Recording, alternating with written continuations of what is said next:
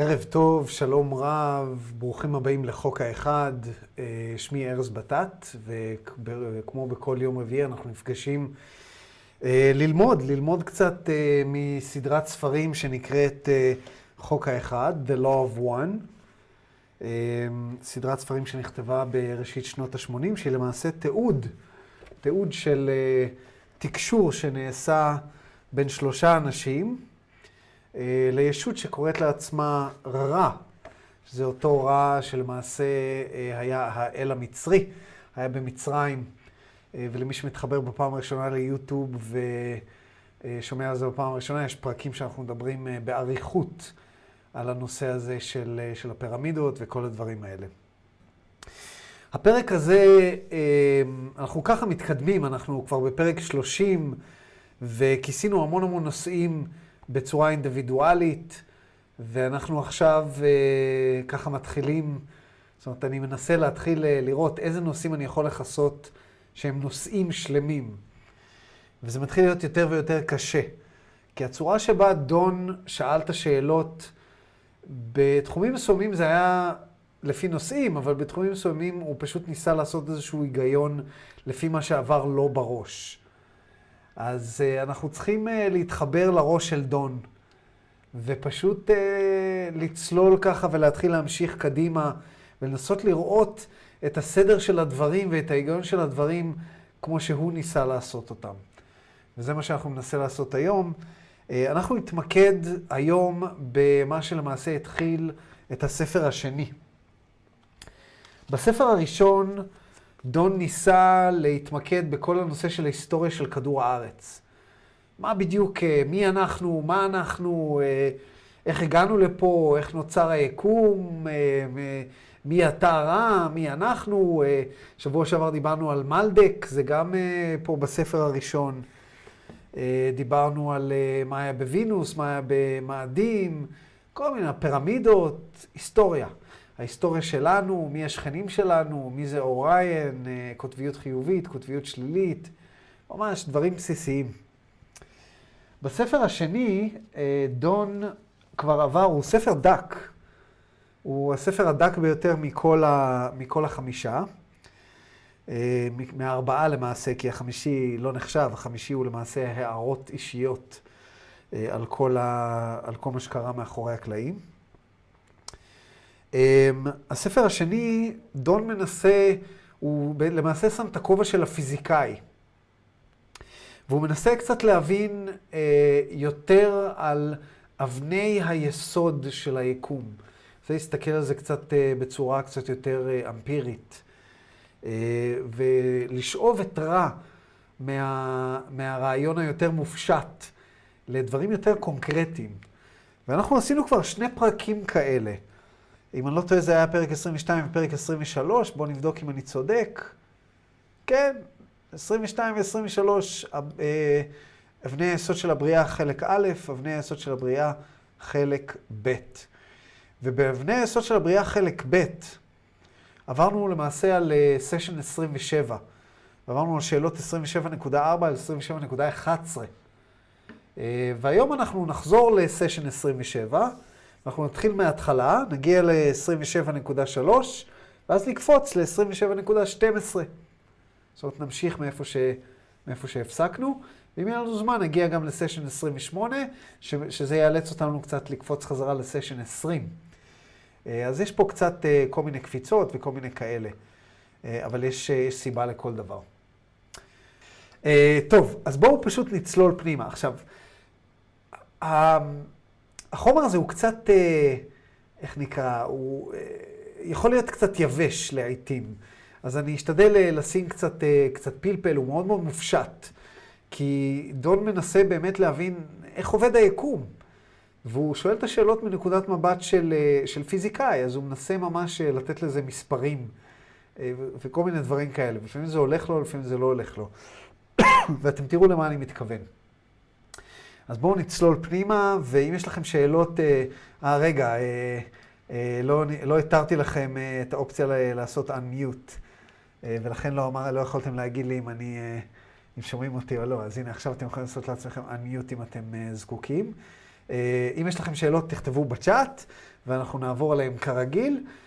ובואו פשוט נצלול, פרק 27, אנחנו ככה מתחילים לעבור לדברים בצורה די סדירה, ובאיזשהו שלב אנחנו גם נגיע ל... זאת אומרת, יש נושאים שעוד לא נגענו בהם בכלל, כל, כל, כמו כל הנושא של הארכטייפס, של אבות הטיפוס.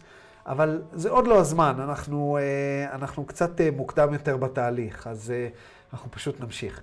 אז פרק 27, אבני היסוד של הבריאה, תחילת פרק שני, בואו נראה מה, מה קורה שם.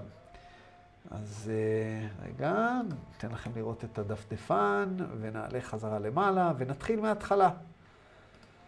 27.0 I'm Ra, I greet you in the love and in the light of the one infinite creator. I communicate now. והוא מתחיל, דון מתחיל עם השאלה. This session, I thought we would start book two of the Law of One, which will focus on what we consider to be the only important aspect of our being. מעניין, הוא בעצם אומר, במפגש הזה איתך, רע, אנחנו נתחיל, חשבתי שאולי נתחיל, משהו עשה פה רעש וקצת מפחיד מהאזור של החשמל, אבל אני אתעלם. אני אתחיל את הספר השני. הרי דון, תחשבו על זה מנקודת המבט של דון, הוא נמצא שם, הוא עוד לא פרסם את הספרים. כל מה שהוא עושה זה שואל שאלות, וג'ים רושם את הדברים, ו... וזהו. זאת אומרת, הוא תוך כדי שהוא עושה את זה, הוא מתכנן למעשה מה הוא הולך לעשות, ומבחינתו הוא היה בן אדם מאוד uh, מתוכנן, מאוד מחושב, והוא תכנן שעכשיו אנחנו... Uh, עכשיו אנחנו נתחיל ספר 2. זאת אומרת, עד עכשיו שאלתי את כל השאלות שיכולתי לשאול על ההיסטוריה של כדור הארץ וכן הלאה וכן הלאה, ועכשיו אני רוצה להתחיל עם ספר מספר 2. ומבחינתו, ספר מספר 2 will focus on what we consider to be the only important aspect of our being. אני לא כך מבין למה הוא התכוון שהוא אמר את זה. ספר מספר 2 מתמקד באספקט, באספקט. ברובד החשוב ביותר ש, שלנו, של מי שאנחנו. ואני לא כל כך בטוח למה הוא אמר את זה, כי לא יודע. אבל בואו נראה, בואו נראה מה הוא מנסה לשאול, ואז נבין. אבל הוא אומר, however, אבל, Jimas felt the obligation to ask two questions that were asked of him by Paul Shockley, and I will ask those two first in case you're able to answer them before we really get started. First question is Paul Shockley is presenting channeling. Correction, Paul Shockley is presently channeling the same source which Edgar Casey channeled. And Paul has received information that he took part in the design and construction of the Egyptian pyramids. Could you tell me what his role was in that effort? הוא שואל פה שאלה, הוא אומר, רגע, לפני שאנחנו מתחילים, ג'ים, לג'ים היה אה, שתי שאלות, ולפני שאנחנו ככה מתחילים עם האקשן, אני רוצה אה, לשאול את השאלות האלה, אולי תוכל לתת לנו קצת information, אה, קצת אינפורמציה. בן אדם בשם פול שוקלי, תכף נסביר מי הוא, אה, הוא מתקשר, והוא מתקשר כרגע את אותו ישות שאדגר קייסי תקשרה. דיברנו על אדגר קייסי בעבר, זה בן אדם שתקשר מתוך שינה, אה, ואשתו רשמה את הדברים, והוא תקשר הרבה מתוך האקשיק רקורדס. הוא היה עושה הרבה חזיונות לעתיד, שמבוססים על אה, possibility, probability, אפשרות סבירות של דברים שכן יקרו או לא יקרו. תקשר הרבה דברים שקשורים ברפואה. אדגר קייסי, תחפשו ותראו באינטרנט. דיברנו עליו. אז כנראה שהפול הזה מתקשר את אותה ישות, והישות הזאת אמרה לו שהוא השתתף, הוא היה מעורב בכל הנושא של בניית הפירמידות, או בנושא של הפירמידות. ו... והוא ביקש מג'ים שהוא ישאל את רע מה, מה הסיפור שם, אם זה באמת נכון. עכשיו, כדי להבין מי זה פול שוקלי, זה לא כזה חשוב, אבל uh, uh, הסתכלתי בספר מספר 5, כי בספר מספר 5 יש לנו למעשה את התיעוד של כל הדברים האישיים שקרו.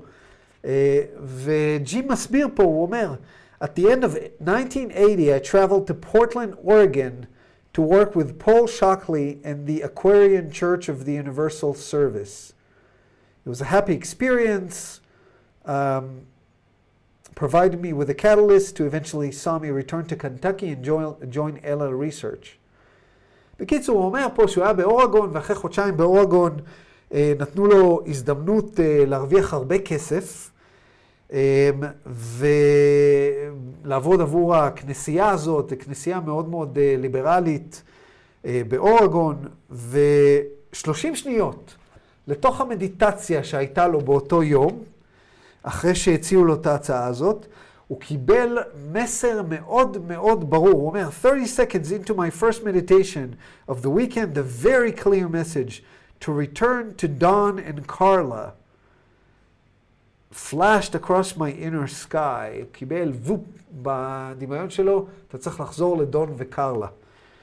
הוא היה איתם בקשר לפני כן, אבל שימו לב, הם עוד לא תקשרו את רע. הוא אומר, three weeks later, the raw contact began. ו... ואת ההיסטוריה אתם כבר יודעים, זאת אומרת, האינפורמציה הזאת שהוא קיבל במדיטציה גרמה לו לחזור ולהיות עם קרלה ודון, וזה השפיע עליו לשארית חייו. והוא אומר, אחרי שהתקשורת עם רע התחילה, אז הפול שוקלי הזה יצר איתו קשר, אמר לו, נו, אתה בא, אתה לא בא? אמר, לא, לא, אני מתעסק פה, אנחנו מתקשרים איזה ישות בשם רע, אז הוא ביקש ממנו את שתי השאלות האלה. לא כזה מהותי, אבל נחמד לפעמים לראות מה קורה שם מאחורי הקלעים. מה, שמעת את המואזין ברקע עד כדי כך, רינת? איזה קטע ששומעים אותו, וכל החלונות סגורים, אז דמיינו לכם מה קורה כשהחלונות פה פתוחים. אז עברנו לשאלה הראשונה, בואו נראה מה רע, מה רע עונה. הוא אומר, I'm raw. This was in your space-time continuum two periods and two lifetimes. The first of the physical nature working with the Confederation entities in what you would know as Atlantis, this approximately 13,000 of your years ago. This memory, shall we say, being integrated into the consciousness, into the unconscious of the mind-body-spirit complex of this entity, Paul, due to its extreme desire to remember the service of healing and polarization possible by the mecha- mechanisms of the crystal and the charged healer. אז הוא אומר לו, תשמע, החוויה של הפול הזה, הוא זוכר באמת את הדברים מה, מהעבר שלו, אבל החוויה שלו הייתה בשתי גלגולים שונים. והגלגול הראשון היה לפני 13 אלף שנה, באטלנטיס. דמיינו לכם מה זה, שאתם מקבלים אינפורמציה ואתם מגלים שלמעשה הייתם, הייתם באטלנטיס. את, ה, את הדבר הזה אתם שמעתם? את, הטאק הזה? שזה רק אני. זה 13 אלף שנה. היה באטלנטיס. זאת אומרת שהבן אדם הזה עבר כמה וכמה גלגולים פה על פני כדור הארץ, וכנראה שרע החליט שזה לא... דורס לו את הרצון החופשי אם הוא באמת יאשר את הסיפור הזה.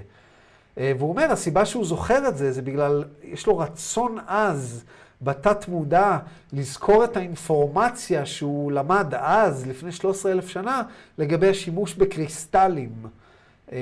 לגבי השימוש בקריסטלים ו... והיכולת להיות מרפא בעזרת הקריסטלים. והוא ממשיך. The second experience being approximately 1,000 of your years later. זאת אומרת, לפני... איך זה יכול להיות? מעניין, כי הוא אומר שזה אלף שנה אחת, טוב, תכף נתרגם. The second experience being approximately 1,000 of your years later, during which experience this entity prepared, in some part, the consciousness of the people of what you would call Egypt, that they were able to offer the calling that enabled those of our social memory complex to walk amongst your among your people. During this life experience, this entity was of a priest and teaching nature and succeeded in remembering in a semi distorted form the, the learned teaching of the Atlantean pyramidal experiences. Thus, this entity became a builder of the archetypal thought of the law of one with distortion towards healing, which aided our people in bringing this through into a physical manifestation at what you would call a later period in your time measurement. אז קצת מורכב, אבל uh, בואו נפרק את זה. הוא אומר לו, הגלגול השני שלמעשה הבן אדם הזה היה נמצא, זה היה בערך אלף שנה לאחר מכן. זאת אומרת, לפני כ-12 אלף שנה, במקום שנקרא מצרים, אבל שימו לב שזה היה הרבה לפני הפירמידות. הוא אומר, הבן אדם הזה אז היה איזשהו הילר, הוא היה כהן, הוא היה איש רוח, והתפקיד שלו, כחלק מהתפקיד שלו, הוא בעצם הכין, הוא, הוא קידם את האנשים קדימה אה, מבחינת התודעה שלהם, והכין אותם למעשה. זאת אומרת, סייע בהכנה שלהם כדי שאחר כך רע יכול לבוא, אה, יכל לבוא, הם יכלו לקרוא למעשה לרע לקונפדרציה ולקבל את האינפורמציה מהם. והוא באמת זכר, הוא אומר שבגלגול הזה הוא באמת יכל לזכור כל מיני דברים אה, מאטלנטיס, הוא לא בדיוק כנראה ידע שהוא בא מאטלנטיס. אבל הוא זכר דברים, אבל רע אומר ב-semi-distorted form, זאת אומרת, לא זכר אותם בדיוק, אבל זכר בערך, כנראה הוא ניסה לבנות שם פירמידות, אה, וניסה לעשות כל מיני דברים שבאמת אה, ככה ל, ל, ל, ללמד את חוק האחד, מן הסתם לא במילים האלה. בקיצור, הוא זכר כל מיני דברים והיה אה, דמות, דמות מלמדת, וזה הדברים שהוא זוכר. עכשיו, יש פה דבר מעניין בתשובה הזאת שאני רוצה להדגיש, כי לדע, לדעתי זה מאוד מאוד מעניין. דיברנו כמה פעמים על הנושא שרע כל הזמן נותן רמזים שהצורה שבה הוא תופס את הזמן זה לא אותה צורה שבה אנחנו תופסים את הזמן. ושימו לב, כל פעם דון לא מרים, לא מרים את הכפפה בקטע הזה. ו, והנה עוד uh, הזדמנות ועוד uh, דוגמה ל, ל, למקום שזה קורה. שימו לב מה הוא אומר במשפט האחרון. With distortion towards healing, which aided our people in bringing this through into a physical manifestation, עזר לנו uh, באמת לבנות את זה בצורה uh, פיזית. at what you would call at what you would call a later period in your time measurement. במילים אחרות רע אומר לו, אנחנו יכולנו לבוא ולבנות זה אחר כך, בעתיד, אחר כך, לפי מה שאתה תקרא לו אחר כך. רומז לך, בא לומר לך, מבחינתי זה לא בכלל לא אחר כך. מבחינתי, או הכל מתרחש באותו רגע, או לא יודע מה. אני מניח שהכל מתרחש עבור רע זאת אומרת, מבחינתו הוא לא רואה את זה כאחר כך, אלא בצורה אחרת, לכו תדעו, לכו תדעו מה. אבל uh, סתם, רציתי לציין את זה כי uh, לפי דעתי זה איזשהו רמז חשוב לנקודה הזאת, שהאשליה הזאת, האשליה הזאת של הזמן, היא רק שלנו, היא רק שלנו, היא לא בממדים אחרים, ואנחנו עוד uh, נזכיר את זה קצת uh, יותר אם נגיע היום לדבר הזה. אז השאלה השנייה, אומר לו, the second question is, Paul has also received information that mentions that there were other beings aiding in the construction of the pyramids who were not fully materialized in the third density. They were materialized from the waist up to their heads, but were not materialized from the waist down to their feet. Did such entities exist in the construction of the pyramids, and who were they? זו שאלה קצת מוזרה. הוא אומר לו, הבן אדם הזה בתקשורת שלו מקבל תקשורת אה, שחלק מהעבודה עם הפירמידות היו שם ישויות שהיו כאילו התממשו במציאות הפיזית, אבל רק מהמותניים ומעלה. לא היה להם רגליים. האם זה נכון? ו- ומי הם היו? מה, מה הסיפור שם? אז רע עונה, Imra, consider if you will, the intelligent infinity present in the absorption of livingness and beingness as it becomes confides into intelligent energy due to the thoughts impressions of those assisting the living stone into a new shape of beingness. The release and the use of intelligent infinity for a brief period begins to absorb all the cons- all the consecutive or interlocking dimensions, thus offering brief glimpses of those projecting to the material their thoughts. These beings thus beginning to materialize, but not remaining visible. These beings were the thought form or third density visible manifestation of our social memory complex as we offered contact from our intelligent infinity to the intelligent infinity of the stone. הרב מנסה להסביר לו קצת על איך זה עובד. הוא אומר, בואו נקרא את המשפט הזה שוב. Consider if you will the intelligent infinity present in the absorption of livingness and beingness as it becomes confided into intelligent energy. שני מושגים שדיברנו, שהזכרנו בעבר, שאנחנו צריכים להפריד ביניהם ונזכיר אותם שוב. המושג הראשון הוא intelligent infinity, אינטליגנציה אינסופית. המושג השני הוא intelligent energy, אינטליגנצ... אנרגיה אינטליגנטית. ודיברנו על זה שהאינטליגנציה האינסופית הופכת למעשה לאינט... לאנרגיה אינטליגנטית.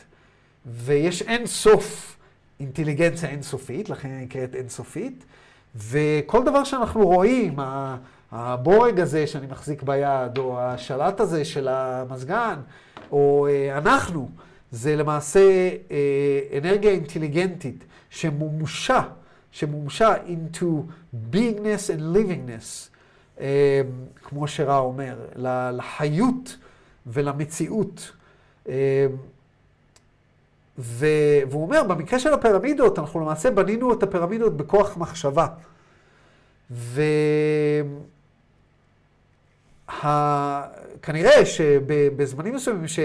שהישויות של רע לא באמת היו פה, או במקומות מסוימים שהם בנו את הפירמידות בכוח המחשבה, הוא אומר, כיוון שזה עובר דרך המחשבה שלנו, אז לפעמים הישות שבונה את המחשבה, שבונה את הפירמידה, שמשתמשת באינטליגנציה האינסופית על מנת ליצור אנרגיה אינטליגנטית, הישות הזאת מתממשת אל תוך החומר בגלל שזה עובר דרכה.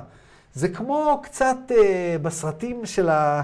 אה, אה, בסרטים של המדע הבדיוני. שמנסים להעביר מישהו ממקום למקום, אבל מצליחים ולא מצליחים, וכזה הוא עובר כמו כזה הולוגרמה, ואז נעלם. אז משהו כזה, אז בעצם הוא אומר?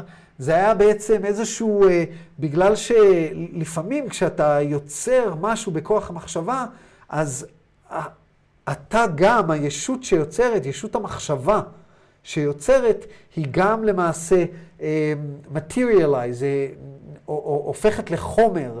אבל רק בצורה חלקית, ואז נעלמת, כזה, מה שנקרא, מופיעה ונעלמת. אז איזושהי אה, פאטה מורגנה, תקראו לזה, אה, או איזשהו משהו כזה, אה, ש, שהיוצר של החומר, הזה שעושה מניפולציה לאנרגיה האינסופית, אה, נראה בגלל שזה עובר דרכו. דון ממשיך.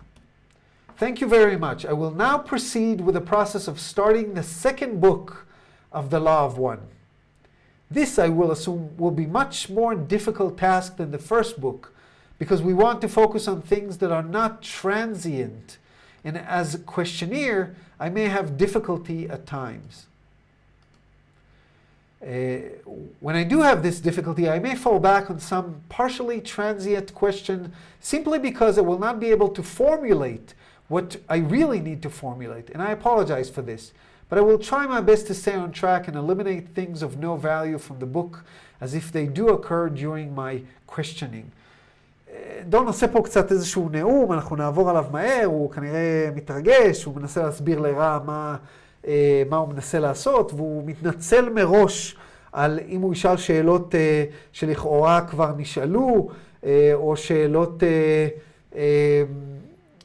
איך נתרגם את המילה transient, זמניות.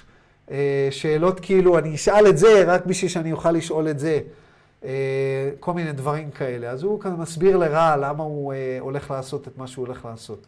והוא קצת יוצר לעצמו מציאות, הוא אומר, זה כנראה יהיה יותר קשה הספר הזה. ולפי דעתי זה באמת היה קצת יותר קשה. אז יכול להיות שהוא באמת יצר את המציאות הזאת. והוא ממשיך, The statement I will make to begin with, I have written, it is. Most entities in this density focus their minds on some transient condition or activity with little regards to its value as a tool or an aid to their growth and understanding of the true or undistorted essence of the creation of which they are an integral part. We will attempt, by starting at the beginning of creation, to establish an overview of ourselves in the creation, thereby arriving at a more informed point of inspection of what we consider to be a reality. It is hoped that this process will allow us to participate more effectively in the process of evolution. I would like to start with definitions of words that we've been using that possibly we have not and possibly cannot totally understand. But since the first words that we use are intelligent infinity, I would like for you to define each of these words and give me the definition of their combinations. אז שוב, נאום קצת ארוך, אבל בעצם מה שהוא אומר לו, הוא אומר לו, אה, אה, אני אתחיל בשאלה שכתבתי, מסודר, אדון. אה, רוב הישויות בפלנטה שלנו מתמקדים בדברים מאוד מאוד זמניים, ולא חושבים על, ה, על הפעילות שהם עושים ככלי, ככלי להתפתח, אלא חושבים על הפעילות. אם אני, אני יודע, אם אני מכין סלט, אז אני חושב על הסלט, אבל לא חושב על מה, מה החוויה שלי בהכנה של הסלט? האם אני אה, נוכח ברגע? האם אני מתרכז? האם אני אה, נותן אהבה לתוך הסלט כדי שהוא יהיה טעים? כשעושים סלט ככה ב, ברוגע, בהנאה, אה, באהבה, הסלט יותר טעים. זה אני אומר לך מניסיון. אה, וכל מיני דברים כאלה, אז זה בעצם מה שדון מנסה, מנסה לרמוז. אה, והוא אומר, אנחנו ננסה פה להבין מי אנחנו בתוך הבריאה. אה, קצת אה, מופשט הנאום שלו. וכדי לעשות את זה אנחנו ננסה למעשה לעשות הגדרה של מושגים. ואנחנו נתחיל במושגים, כיוון שהמושג הראשון שהזכרת זה אינטליגנציה אינסופית, אני הייתי רוצה שתגדיר את כל אחד ואחד מהמושגים האלה ותיתן לי את ההגדרה של, ה, של הצירוף שלהם. עכשיו, הוא מצהיר פה מה הוא הולך לעשות, אבל הוא לא באמת שאל שאלה. אז, אז אתם מכירים את רע עם הרובוטיות שלו, אז רע עונה, I'm רע, your vibrations of mind complex indicate a query. However, your vibrational sound complex indicate a preference. Please restate. מת על הרע הזה. הוא אומר לו, תשמע, לפי הוויברציה של השכל שלך, אתה שאלת שאלה. אבל לפי הוויברציה של הקול שיצאה, המילים שיצאו מהפה שלך, אתה הצהרת על העדפה. תשאל, אה, זאת אומרת, תגיד את זה שוב. אה, ואז הוא שואל את השאלה, אה, would you please define the word intelligent in the concept of intelligent infinity? ואת זה כבר עשינו. את זה כבר עשינו בפרק 23, אה, אה, הגדרנו את הנושא של אינטליגנציה אינסופית, עשינו את אה, שאלה 24.7, 27.4, 27.5, 6, 7, 8, עד 27.11, הגדרנו את כל הרעיון הזה של אינטליגנציה אינסופית, איך היא התחלקה, כל הדברים האלה, ואנחנו לא נחזור על זה עכשיו שוב. אם אנחנו נצטרך משהו, אנחנו, אנחנו נסביר אותו. ועכשיו אנחנו ממשיכים ב-27.12, אמ, וגם את השאלה הזאת עשינו, לפי דעתי עשינו אותה בפרק 2, היא לא רשומה לי בפרק 2, אבל אני זוכר שדיברתי עליה כמה וכמה פעמים. אנחנו נעשה אותה שוב, בגלל שלפי דעתי אחת השאלות החשובות ביותר בכל חוק האחד.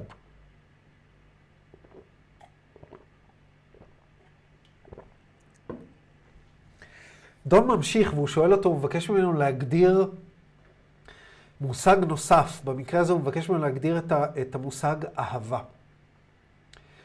I would like for you to define love in the sense, in its sense as the second distortion. Uh, רע ציין כבר שה-first distortion, החריגה הראשונה מחוק האחד, זה חוק הבחירה החופשית.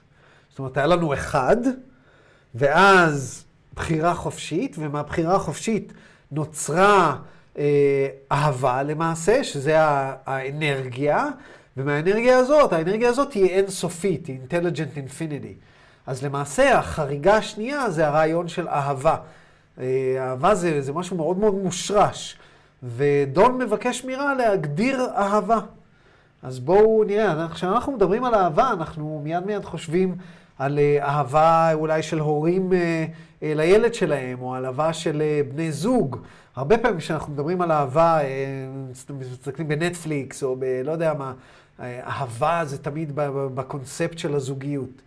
אבל רב מסביר לנו כאן שאהבה זה דבר הרבה הרבה יותר בסיסי. אז בואו בוא נקרא את התשובה הזאת שוב. I'm Ra. This must be defined against the background of intelligent infinity or unity or the one creator with the primal distortion of free will. The term love then may be seen as the focus, the choice of attack, the type of energy of an extremely, shall we say, high order, which causes intelligent energy to be formed from the potential of intelligent infinity in just such and such a way. This then may be seen to be an object rather than an activity by some of your peoples, and the principles of this extremely strong energy focus being worshipped as the creator instead of unity or oneness from which all love emanates.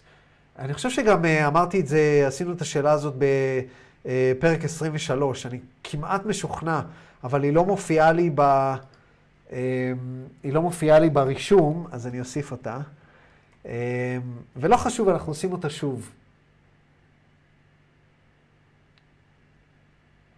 כן, בהחלט עשינו את השאלה הזאת. הוא אומר, שוב, אנחנו צריכים להסתכל על אהבה ב... בהקשר, אוקיי? צריכים להסתכל עליה בהקשר של אינטליגנציה אינסופית, בהקשר של החריגה הראשונה, שהיא החריגה של, ה... אה, של הבחירה החופשית, בהקשר של היוצר. הוא אומר, אהבה זה למעשה אנרגיה בדרגה מאוד מאוד גבוהה. זאת אומרת, תחשבו על כל האנרגיות שאתם מכירים. אז אומרים, או, יש את האנרגיה הזאת, יש את האנרגיה הזאת, יש את האנרגיה הזאת, ויש אהבה, לא, לא, לא. אהבה זה אנרגיה ברמה הגבוהה ביותר. זאת האנרגיה שמסוגלת להפוך אינטליגנציה אינסופית לאנרגיה אינטליגנטית. במילים אחרות, כאשר רע בנה את הפירמידה בעזרת כוח המחשבה, הוא עשה את זה בעזרת אהבה, כאשר ישועה, למי שמאמין אה, במה שקרה עם אה, ישועה בן יוסף, אה, שנקרא על ידי הנוצרים ישו, אה, הוא הרי יצר יש מאין לפי הסיפורים, אם אתם קוראים אה, את הסיפורים. הוא יצר לחם, היה לו אה, כך וכך כיכרות לחם, והיה לו כך וכך מאות אנשים, והוא הצליח לשכפל את הלחם וליצור המון, או כל מיני דברים כאלה שהוא הצליח לעשות. אז, ואנחנו יודעים שישועה, כל הפואנטה, הוא אמר שהיה לו, זאת אומרת, הייתה לו איזושהי פתיחה של אהבה וה... והוא השתמש, הוא השתמש באנרגיה הזאת על מנת לעשות מה שאנחנו קוראים להם קסמים. הרב בעצם מסביר לנו שהאנרגיה הזאת, האנרגיה שאנחנו קוראים לה אהבה, היא למעשה אנרגיה מאוד מאוד אה, מורכבת ואנרגיה מאוד מאוד אה, אה, בסיסית ומאוד גבוהה, שיכולה באמת לעשות את הדבר הזה, להפוך אינטליגנציה אה, אינטליגנציה אה, אינסופית לאנרגיה אינטליגנטית. וזה גם אומר משהו על החיים שלנו ביום-יום, על מה אנחנו אוהבים ומה אנחנו לא אוהבים. ואומר שאנחנו אומרים כל הזמן, תחשוב חיובי, תקבל חיובי, תחשוב שלילי, תקבל שלילי. מקרים שאנחנו לפעמים אה, חושבים על הדבר הגרוע ביותר שיכול לקרות. אז מה אנחנו אוהבים ומה אנחנו לא אוהבים. למעשה, זה אותה אנרגיה. אז אנחנו יוצרים מציאות, יוצרים מציאות בכוח בכוחה של האהבה. אמ, והוא מסביר פה, הוא אומר, האנשים בגלגול, במציאות שלך, יכולים להסתכל על, ה, על האהבה בתור אובייקט של אהבה. אני אוהב, אה, אה, אני אוהב את הספר הזה, אני אוהב את השיעור הזה, אני אוהב את הבן אדם הזה, אבל לא, זה אקטיביטי. זה כמו, זה מזכיר לי קצת את הספר של, איך קוראים לו? הנה, אה, פספסתי, זה לא זה. אה, חשבתי על, הסקר, הספר God is a verb, אלוהים זה פועל, אה, הספר של אה, הרב דוד קופר, God is a verb, אלוהות זה פועל, לאלהות.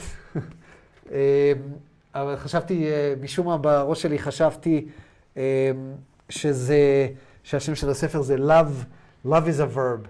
ובלבלתי אה, למעשה איזשהו אה, אה, קורס שלמעשה דיין, אשתי לשעבר עשתה, שנקרא Love, Love is an Action, אהבה זה פעולה, וזה בדיוק מתאים למה שכתוב פה. ובאמת היה לה כזה קורס באינטרנט, או קבוצה בפייסבוק, Love is an Action, שהיא כזה הובילה אנשים אה, כל, אה, כל שבוע לעשות איזושהי פעולה. כי אהבה זה פעולה, אהבה זה פעולה, אנחנו צריכים לעשות איזשהו משהו. אה, והוא גם מציין פה, הוא רומז לנו על הקטע הזה של דת, שהוא אומר, הוא מנסה להסביר לנו ש... Uh, the principles of this extremely strong energy focus being worshipped as the creator instead of unity or oneness from which all loves emanate. במילים אחרות, אנשים, אה, אה, מה שנקרא, אה, סוגדים ליוצר במקום אה, לסגוד ל, לרעיון של האחדות שממנה כל מה שנאהב נוצר. הם מסתכלים על הרעיון של אהבה אה, כסגידה ליוצר. היוצר אוהב אותך, היוצר אוהב אותך. מה זה היוצר אוהב אותך? היוצר זה אהבה, היוצר עצמו זה אהבה, אתה זה היוצר, הכל זה אהבה, כל מה שנוצר זה אהבה, ולכן כל מה שהיוצר יצר הוא אוהב. זה לא שיש את היוצר ויש אהבה ויש אותך, והיוצר אוהב אותך, לא. כל מה שנוצר זה אהבה, הכל זה אהבה. Um, all you need is love. ודון ממשיך, is love, is there a manifestation of love that we would call a vibration? אז בעצם האם יש, הוא מנסה ל, ל, ל, להבין את הקשר בין אהבה לוויברציה. ורע מסביר, I'm Ra, again we reach semantic difficulties. The vibration or density of love or understanding is not a term used in the same sense as the second distortion, love. The distortion love being the great activator and primal co-creator of various creation using intelligent infinity. The vibration love being that density in which those who have learned to do an activity called loving without significant distortion then seek the ways of light or wisdom.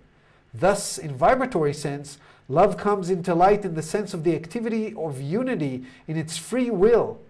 Love uses light and has the power to direct light in its distortions. Thus, vibratory complexes, complexes recapitulate in reverse the creation in its unity, thus showing the rhythms or flow of the great heartbeat, if you will use this analogy. הוא אומר לו, תשמע, אנחנו צריכים להבדיל, פה יש לנו הבדלים בסמנטיקה ביני ובינך. כאשר אנחנו, כאשר רע משתמש במילה ויברציה, אהבה בתור ויברציה, אנחנו מתכוונים לממד הרביעי. אנחנו, כרגע בממד השלישי, עוברים לממד הרביעי, הרי אמרנו שהממד השלישי הוא ממד הבחירה, הממד הראשון הוא ממד המינרלים, הממד של כל הדברים המוצקים, הממד השני זה הממד שלמעשה אה, המודע לסביבה אבל לא לעצמו, דהיינו צמחים, אה, רוב החיות. הממד השלישי זה המידע, הממד המודע אה, לעצמו, שזה אנחנו. הממד הרביעי אה, זה ממד האהבה. הממד החמישי זה ממד ההבנה, או ה-wisdom, ממד התבונה. אה, ממד השישי זה ממד האור. וממד השביעי זה, לא זוכר כבר מה, ממד, ה... ממד השביעי. בסדר. אז uh, הוא אומר לו, אנחנו צריכים להבדיל בסמנטיקה. כשאני אומר ויברציה של אהבה, ויברציה של אהבה, אני מתכוון לממד. כאשר אנחנו מתכוונים אהבה בתור החריגה השנייה מהאחדות, אז למעשה אהבה זה the great activator, הוא זרז, הוא זרז, הוא כלי, הוא, תזכרו את מה שהוא אמר קודם, choice of attack, בחירה איך להשתמש, אתם יכולים להשתמש בכל רגע נתון. מה פרויד אמר לנו? פרויד אמר שהדבר היחידי שהשכל עושה, זה או ללכת אחרי משהו שהוא אוהב, או לבחור. או לבחור משהו שהוא אוהב, או לברוח ממשהו שהוא לא אוהב. בחירה. אז אותו דבר, אנחנו בכל עת נתונה אנחנו בוחרים. ואנחנו יכולים להשתמש ברעיון של אהבה כבחירה מסוימת. כבחירה מסוימת לעשות או לא לעשות משהו. וזה למעשה איזשהו co-creator. אמ, והוא אומר, כאשר אנחנו מגיעים למצב שלמדנו לאהוב בלי חריגות, זאת אומרת, לא אהבה תלויה, אלא באמת, באמת אהבה למי שהיה בפרק האחרון של תורת העברי, דיברתי על זה, אה, על הבכירים, אה, אה, חנוך מדבר על הבכירים שהם... אה, ש, שליבם יהיה פתוח, הוא לא אומר את זה במילים האלה, אבל אהבה, אהבה תשרור והכל יהיה נהדר, והם כבר לא יחטאו, לא בזוגג ולא במזיד, וכן הלאה וכן הלאה. אז כשאנחנו מגיעים לרמה הזאת, אנחנו יכולים באמת לעבור לממד הרביעי ולהיות שם.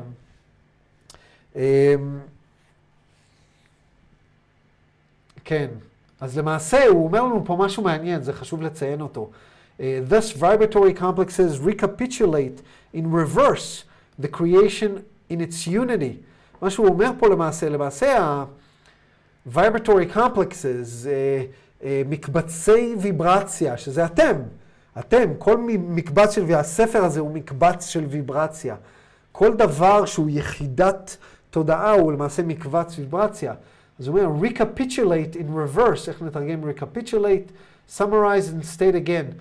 למעשה, אה, הם מסכמים חזרה את, ה, את, ה, את הבריאה בעזרת האהבה. במילים אחרות, הוא אומר לך, הרי יש לנו את הרעיון של אהבה ויש לנו את הרעיון של אינטליגנציה אינסופית. בעזרת האהבה אנחנו יוצרים איחוד מחודש של משהו. זאת אומרת, באנו מאחדות ואנחנו יוצרים אחדות בעזרת האהבה. איחדנו כל מיני דברים לספר. איחדנו, כל המולקולות שלי, שלי מאוחדות למי שאני. אז, ואהבה היא שם הכוח שגורם לזה לקרות. אמ, למה אהבה, שואלת גלית, למה אהבה זה חריגה מהאחדות? כי כאשר יש אחדות ורק אחדות, אין צורך באהבה. בגלל שאם אתה הדבר היחיד שקיים, אז אין צורך באנרגיה שתהפוך משהו למשהו, כי כל שמה שקיים זה האחד שקיים. זאת אומרת, ברגע שהאחד שקיים גלית פוצל לאיזשהו משהו, שזה למעשה האנרגיה האינטליגנטית, היוצר היה צריך לקחת איזשהו כוח על מנת להשתמש באינטליגנציה האינסופית כדי ליצור ממנה דברים. הכוח הזה היוצר הוא אהבה, ולכן זה חריגה מהאחדות. מקווה שזה, שזה יסתדר לך. עכשיו אנחנו נכנסים לקצת יותר לעובי הקורה. שואל דון, I will make a statement that I've extracted from the physics of Dewey Larson, תכף נבין מי הוא, which may or may not be close to what we're trying to explain. Larson says that all is motion, which we can take as vibration, and that vibration, which is pure vibration and is not physical in any way or in any form or in any density, that vibration, by first product of that vibration, is that what we call the photon, the, the photon, the particle of light. I was trying to make an analogy between this physical solution and the concept of love and light. Is this close to the concept of love creating light or not? Vera you're correct. מה שדון אומר פה, אני אנסה לעשות איזושהי הצהרה ששאבתי, ששלפתי מתורת הפיזיקה שנכתבה על ידי בן אדם בשם דוי לארסון. ובואו ניתן קצת רקע מי היה דוי לארסון. דוי לארסון חי בשנות ה-40, דהיינו בתקופה של איינשטיין. והוא היה פיזיקאי, ואם אנחנו, לא עשיתי את זה מוקדם יותר, אולי הייתי צריך לעשות, אבל בגלל שעשיתי את זה כל כך הרבה פעמים, לי זה היה ברור, אבל בואו נעשה את זה עכשיו זריז. נעשה, נגגלג את דוי לארסון, ואני אראה לכם אותו. אז הנה דוי לארסון, הוא היה פיזיקאי, סופר, was an American engineer and author who was born in North Dakota and grew up in the western United States. והוא כתב, הוא למעשה יצר תיאוריה שנקראת The Reciprocal System of Physical Theory. והתיאוריה שלו היא, היא תיאוריה מעניינת, בגלל שהיא למעשה אה, באה ואומרת, אה, כן, פה כתוב שהוא היה תיאורטיקן, בקיצור, יש כל מיני, אה, הוא כתב ספר שנקרא Beyond Space and Time, Reciprocal System of Theory. Uh, the case against the nuclear atom. תותח. Uh, מה שדויה לארסון אמר, הוא, הוא קודם כל קבל עם ועדה, הוא אמר, יש אנרגיה שהיא מטאפיזית לחלוטין. וזה משהו שעד היום המדע לא מוכן לקבל. כמובן שתורת הקוונטים מתעסקת עם האנרגיה הזאת, כי זה כל הרעיון של תורת הקוונטים. תורת הקוונטים מתעסקת עם פוטנציאל, אבל uh, דוי לארסון בא ואמר, לא, קיימת אנרגיה שהיא לא ממומשת לחומר. היא לא בחומר, בשום ממד, כלום. והדבר השני שהוא אמר הוא דבר מעניין, הוא אמר אין ארבעה ממדים, אנחנו חושבים שיש שלושה ממדי מרחב וממד זמן אחד, דהיינו ארבעה ממדים, שמפה, ואני אזכיר את זה בכל הזדמנות, מגיעה הטעות הנפוצה בתורת, בתנועת התודעה, לחשוב שאנחנו עוברים לממד החמישי. וזה לא נכון. אה, אומרים שאנחנו עוברים לממד החמישי בגלל שאומרים אנחנו חיים בארבעה ממדים, מן הסתם עוברים לממד הבא, זה יהיה הממד החמישי, מעניין איך זה ייראה. לא. אה, דואי לארסון בא ואמר, לא, אנחנו חיים בשישה ממדים. שלושה ממדי זמן וממד, אה, ושלושה ממדי, שלושה ממדי מרחב ושלושה ממדי זמן. ולמעשה יש שני יקומים מקבילים. יקום אחד, יש לו שלושה ממדי מרחב וממד זמן אחד, שזה היקום הפיזי שאנחנו חיים בו. זה גם הגיוני. יש לנו שלושה ממדי מרחב, קדימה, אחורה, למעלה, למטה, ימינה, שמאלה, וממד זמן אחד, ההווה. רק ההווה קיים. אתם אף פעם לא הייתם בעבר או בעתיד, אתם תמיד הייתם בהווה. גם כשהגיע מחר, אתם עדיין תהיו בהווה. זה המציאות הפיזית. אבל דואי לארסון אומר, רגע, אבל יש עוד ממד, יקום שחי במקביל אלינו, ביקום הזה הוא לא יקום פיזי, יש לו שלושה ממדי זמן, עבר, הווה ועתיד, ויש לו ממד מרחב אחד. מה זאת אומרת ממד מרחב אחד? זה משהו שקשה להבין. תחשבו על נקודה מסוימת שאין בה תנודה ימינה או שמאלה, אין בה תנודה למעלה ולמטה, אין בה תנודה קדימה ואחורה. מה זה אומר? זה אומר שהיא לא זזה. שאין תנועה במרחב. זה אומר שהכל מצומצם לנקודה אחת, לא משנה מה, לא משנה מה ביקום, הכל מצומצם לנקודה אחת. זה מזכיר למישהו משהו? זה מזכיר למישהו משהו, זה מזכיר את המפץ הגדול. מדענים עשו את המתמטיקה וכבר הגיעו למסקנה הזאת.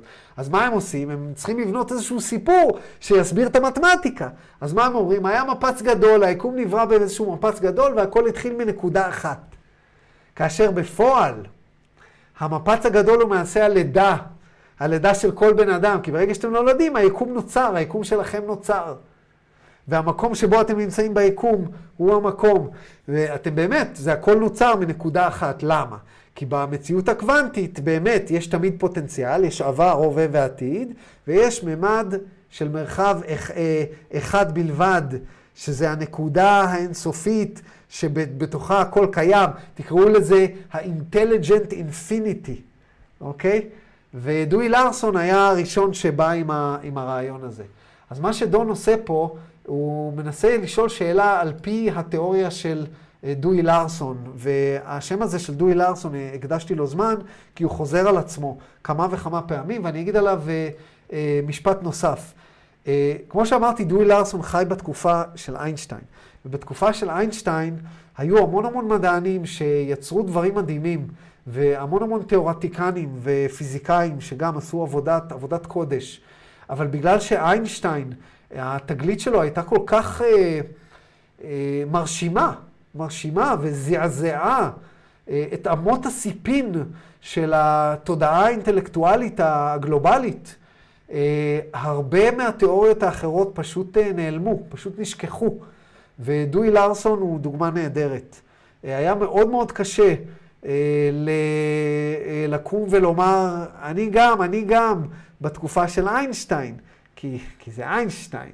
זה כמו שמישהו היום יקום ויגיד, כן, כן, יש לי חברה קטנה שיצרה איזושהי מכניקה של חשמל, אילן מאסק. כאילו, ברגע שאילן מאסק יגיד משהו, כולם יאזינו, בן אדם אחר אולי לא, אולי הדימוי הזה לא עבד, אבל uh, זה היחיד שעלה לי בראש. אז דואי לארסון, ו, וכמה כמה פעמים uh, דואי לארסון מוזכר פה בחוק האחד, ולמעשה, uh, אני מכיר uh, אסטרופיזיקאי, שהוא uh, היה פה בחוק האחד כמה פעמים, או פעם אחת לפי דעתי, שהוא אסטרופיזיקאי שמתמחה בגרביטציה. והוא כל הזמן אומר לי, הוא אומר לי, ארז, אני לא מבין זמן. תסביר לי זמן, ואני צריך להבין איך הוא קשור בגרביטציה. ואמרתי לו, תקשיב, אני מבין זמן, אני לא מבין גרביטציה. אני אסביר לך זמן, אתה תסביר לי גרביטציה. והוא כל הזמן אומר, כן, כן, כן, ואף פעם הוא לא בא לעשות איתי לוח. אה, ואני שולח לו חומר, ובאמת, שלחתי לו את האינפורמציה לדואי אה, לארסון. ואמרתי לו, אתה רוצה להבין גרביטציה בהקשר של זמן, תלמד את הפיזיקה של דואי לארסון, כי זה בדיוק מה שהוא עשה. אמ, אז זה ככה במאמר אה, מוסגר מאוד מאוד ארוך, אה, אבל חשוב. ומה שדון שואל פה, הוא אומר דבר כזה, הוא אומר, דואי לארסון אומר שבעצם הכל זה ויברציה. הכל זה תנועה, הכל זה ויברציה, ורק מהתוצאה של התנועה והוויברציה הזאת נוצר הפוטון של האור. והפוטון של האור הזה זה, זה בעצם החלקיק של האור. ולמעשה, כל החומר שאנחנו מכירים, זה אני מוסיף. אה, למדנו את זה כבר בעבר, כל החומר שאנחנו מכירים למעשה חלקיקי אור שנעים במהירות וברמת דחיסות מסוימת. אה, ומה שדון מנסה לעשות, הוא אומר, אתה יכול לקחת את האינפורמציה הזאת ול, ולחבר לי אותה לרעיון של אהבה יוצרת אור? האם זה, האם זה נכון? שזה למעשה אותו דבר. זאת אומרת, דורי לארסון מתאר במושגים פיז, אה, של פיזיקה את, ה, את הפתרון הפיזי לרעיון הזה של אהבה יוצרת אור. האם זה נכון? ורב אומר, כן, זה נכון. אז שאלה מאוד ארוכה, תשובה מאוד קצרה. ואז דון ממשיך, then I will expand more, a bit more on this concept.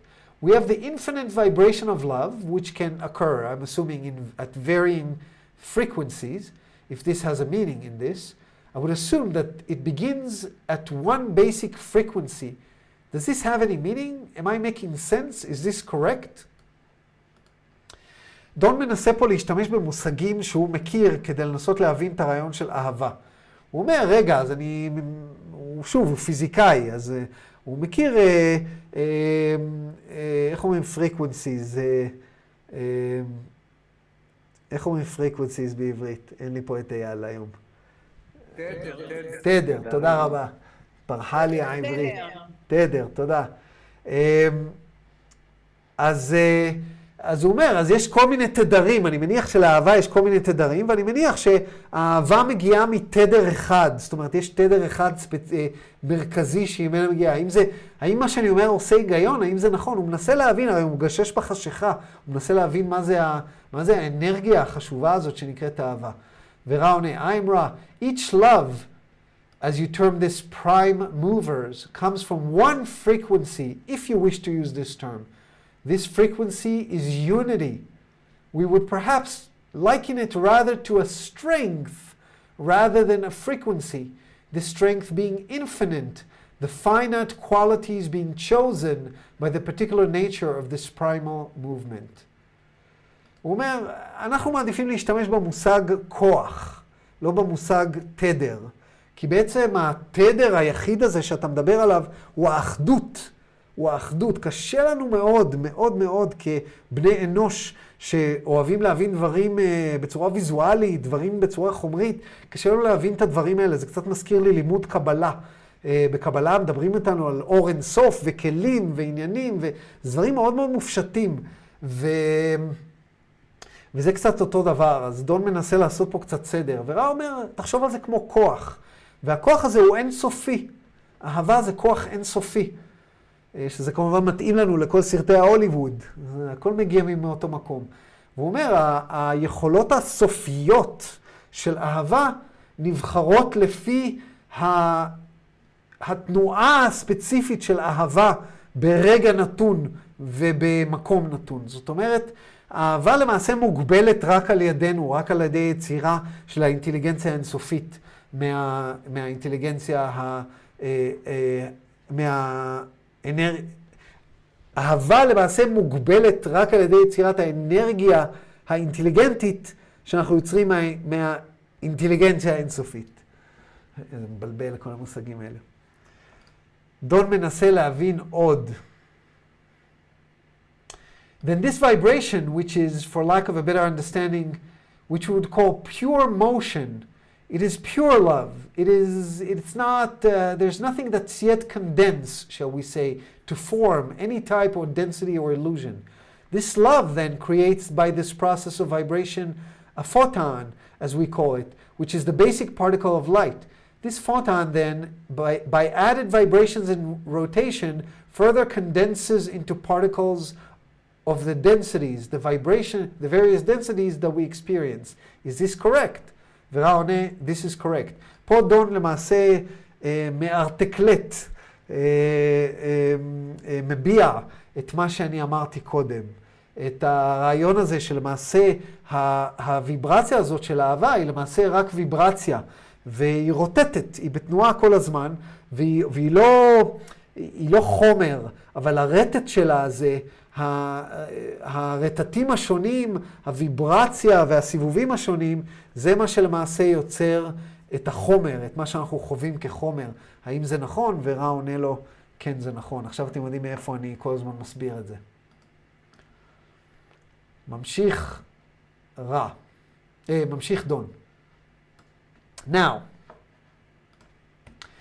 um, this, then, then light, which forms the densities, has what we call color.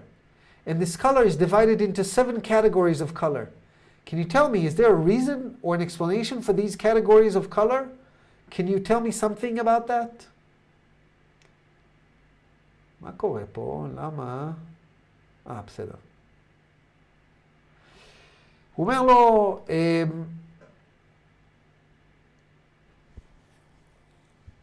תנו לי רגע לראות מה קורה פה. אה, בסדר, אוקיי. אני לא מבין למה מסומן פה בכתום הקטע הזה. אני חושב שעשיתי חיפוש בתו אחר. זה קטע שהוא צובע את זה כאן, גם יש, עשיתי חיפוש בתו אחר. טוב, לא חשוב. הוא אומר לו, תשמע, אז רגע, אז אני רוצה להבין מה הקטע של צבע. אם אתה אומר לי שאור זה... אה, אה, אהבה יוצרת אור, אז למה, למה יש לנו את, ה, את, ה, את החלוקה הזאת לשבע של צבעים? I'm Ra. This will be the last complete question of this session as this instrument is low on vital energy. We will answer briefly and then you may question further in consequent sessions. הוא אומר לו, אנחנו, זאת תהיה השאלה האחרונה במפגש הזה, בגלל שקר לה, האנרגיה החיונית שלה מאוד נמוכה. ואנחנו נענה בקצרה ותשאל שוב בפעמים אחרות אם אתה רוצה. The nature of the vibratory patterns of the universe, of your universe is dependent upon the configuration placed upon the original material or light by the focus or love using its intelligent energy to create a certain pattern of illusion or densities in order to satisfy its own intelligent estimate of a method of knowing itself. איזה משפט ארוך. שאומר דבר כל כך פשוט. Thus the colors, as you call them, as a straight or narrow or necessary as is possible to express, given the will of love.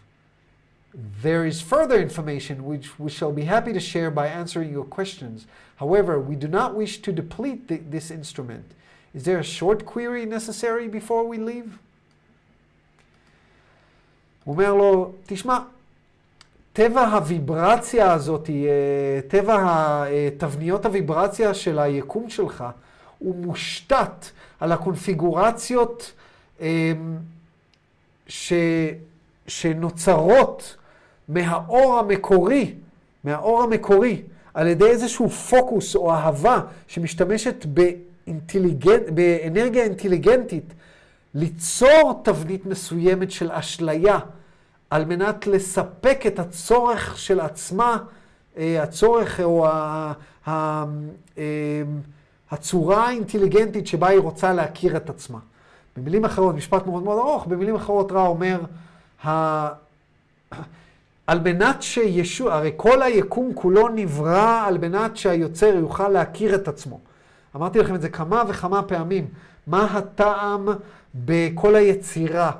תחשבו על העיניים שלכם ועל האוזניים שלכם ועל הידיים שלכם ועל מה שאתם יוצרים, כמו איזה קסדה וירטואלית של, אה, של אה, מציאות מדומה, שהיוצר למעשה חווה את המציאות דרככם.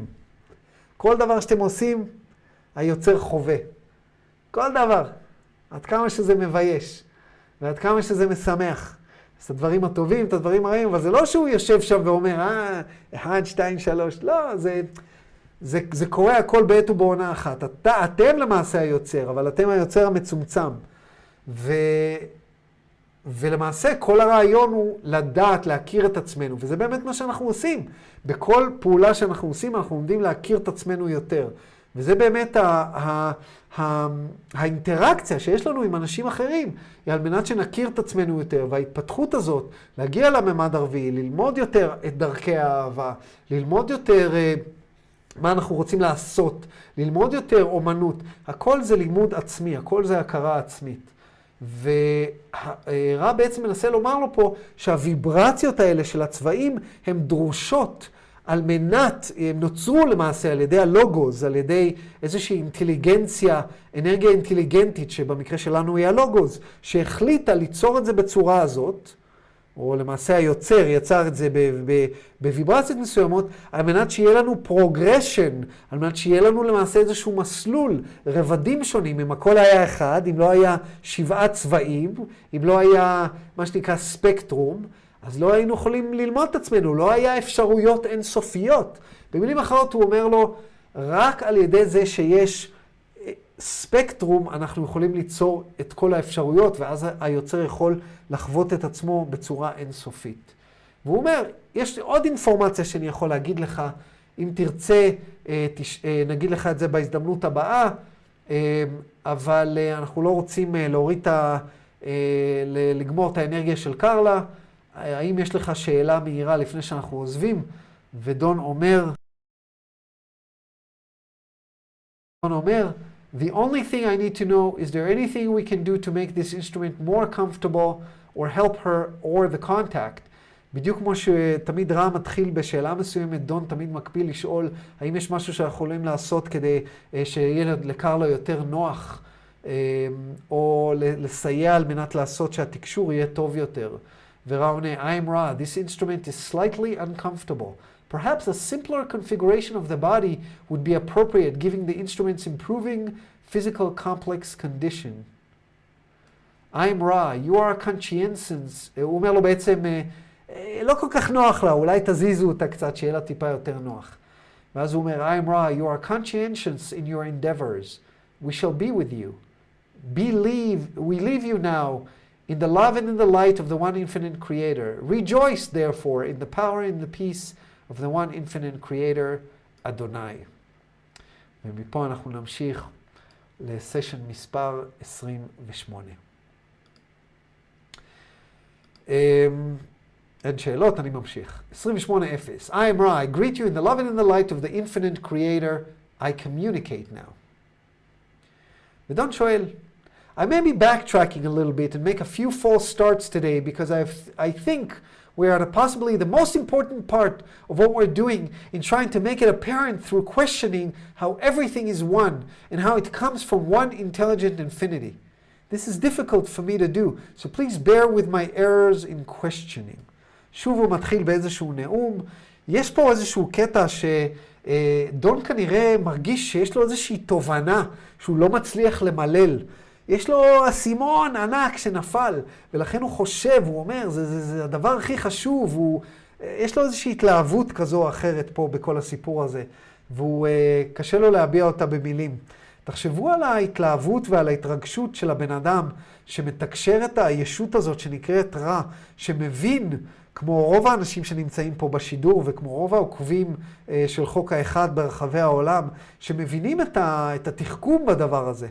את, ה, את החשיבות, ותחשבו שאתם הייתם דון בזמנו. איזה מחשבות עברו לבן אדם בראש? הוא בטח חשב, ואני יודע שהוא חשב את זה, כי הם דיברו על זה יותר מאוחר, הוא בטח חשב, קודם כל אני הולך להיות מפורסם. שנית, הדבר הזה הולך לשנות את העולם. שלישית, אה, כל הממשלות של כל העולם הולכות לדבר איתי. רביעית, אה, כאילו, זאת אומרת, זה מה שנקרא, קצת שיחק לו עם השכל. וזה גם, לפי דעתי, תרם לבעיות שהיו לו אחר כך, שבסופו של דבר גרמו, אה, אה, גרמו לו לקחת את חייו. אבל זה קצת, אה, מה שנקרא, מתעסק איתך. שאתה מבין את המשמעות של מה שאתה עושה, ו, ואני חושב שבקטעים האלה הוא היה פשוט מאוד נרגש. אז בואו נמשיך ונראה מה הוא מנסה לומר, וננסה להבין אותו. עכשיו, תזכרו שהוא גם היה פיזיקאי, אז... חנון כזה, אז בשבילו הדבר הכי הכי משמעותי זה, זה הדברים האלה של הפיזיקה. The concept that I have right now of the process, using both of what you told me and some of Dewey Larson's material having to do with the physics of the process, I have the concept that intelligent infinity expands outwards from all locations everywhere. It expands outwards in every direction uniformly, like the surface of a balloon or a bubble expanding outwards from every point everywhere. It expands outwards at what's called unit velocity, or the velocity of light. This is Larson's idea of progression of what he calls space-time. Is this concept correct? אני לא מבין למה זה הדבר הכי חשוב, אבל כנראה שזה האסימון שמחבר לדון את הכל. ואני חושב שכבר הזכרנו אותו. הוא אומר בעצם, הרי כשאתם מנפחים בלון, אז האנרגיה היא למעשה דוחפת כל, כל, בכל יחידת מיקום מסוימת בתוך הבלון, האנרגיה דוחפת החוצה במידה שווה בכל מקום. הדחיפה החוצה היא אותו דבר אה, במולקולות אה, שנמצאות ליד הפנים של הבלון, ואותו דבר במרכז הבלון. אה, והיא כל הזמן, כל האנרגיה דוחפת החוצה בעת ובעונה אחת. הוא אומר, זה אותו דבר עם הרעיון של האור, שלמעשה האינטליגנציה האינסופית למעשה מתרחבת החוצה. הרי אנחנו יודעים שהיקום מתרחב כל הזמן, מדענים אומרים לנו שהיקום מתרחב, מתרחב, מתרחב.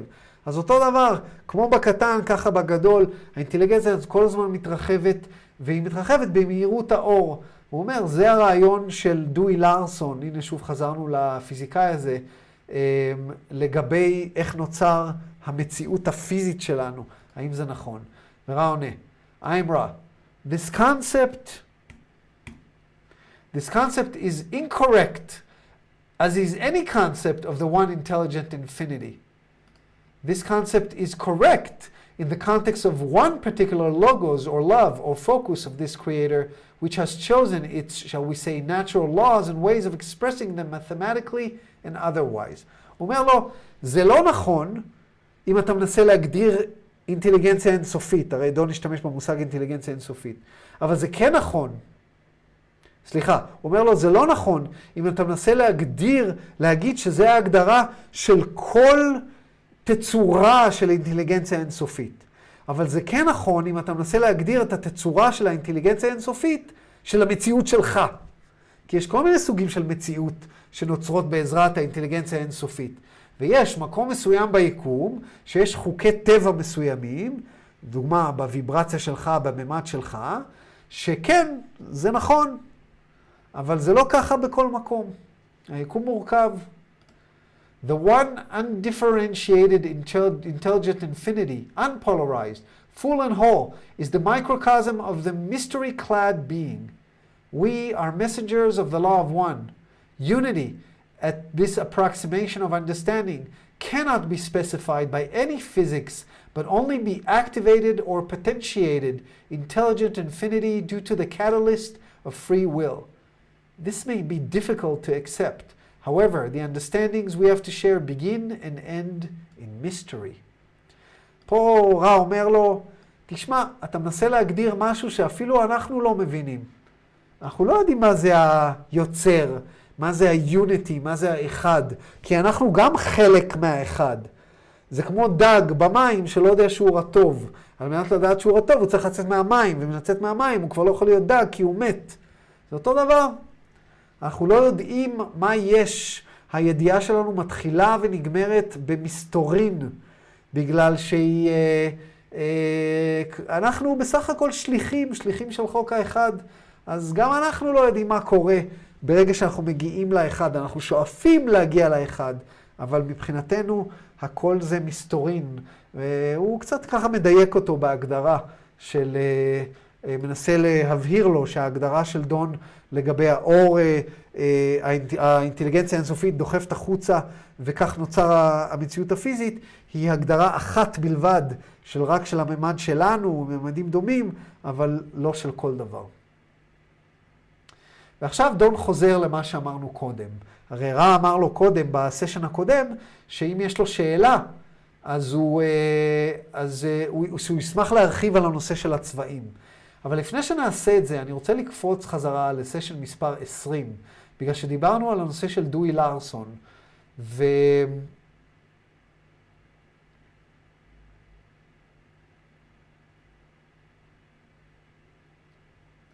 ואני רוצה לדבר על הנושא של אה, דואי לארסון קצת עוד, כי, כי זה ההזדמנות, כי דיברנו עליו, ואז אנחנו נחזור לשאלה הזאת, ואז נראה איפה אנחנו עומדים בזמן.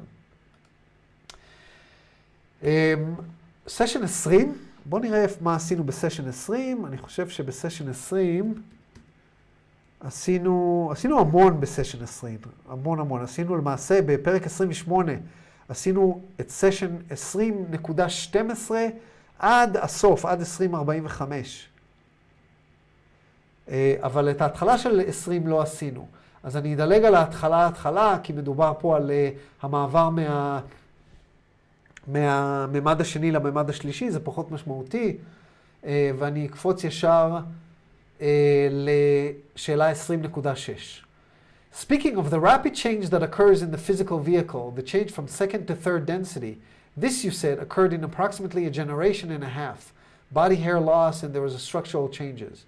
I'm aware of the physics of דוי B. Larson, זה הפעם הראשונה שהוא מזכיר את זה בחוק האחד.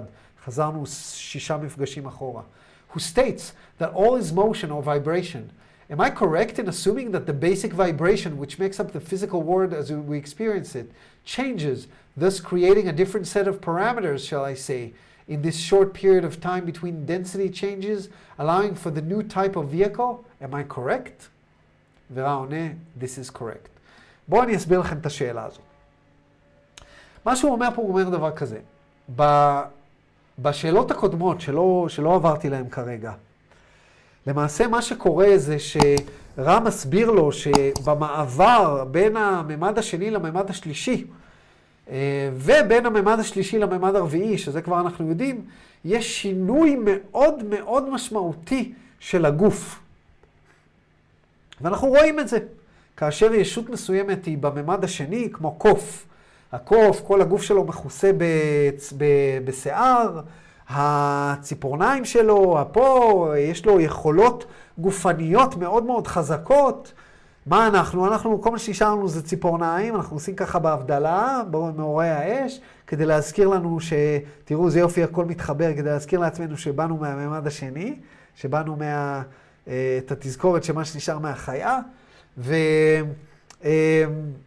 אבל למעשה גוף האדם הוא מאוד מאוד שונה מגוף החיה. זאת אומרת, עברנו איזשהו שינוי מאוד מאוד מהותי, מאוד מהותי. היכולת שלנו לנוע היא הרבה יותר איטית משל החיות. הכוח שלנו הוא הרבה פחות. האינטליגנציה שלנו, הכוח שלנו מתרכז יותר פה מאשר בגוף ביחס לחיות. אה, גם מבחינת תחושת הזמן, הן הרבה הרבה יותר מהירות מאיתנו. ולמעשה, אמ, רע הסביר לדון, ולא קראנו את זה, אבל רע הסביר לדון שהשינויים האלה קורים מאוד מאוד מהר. ו...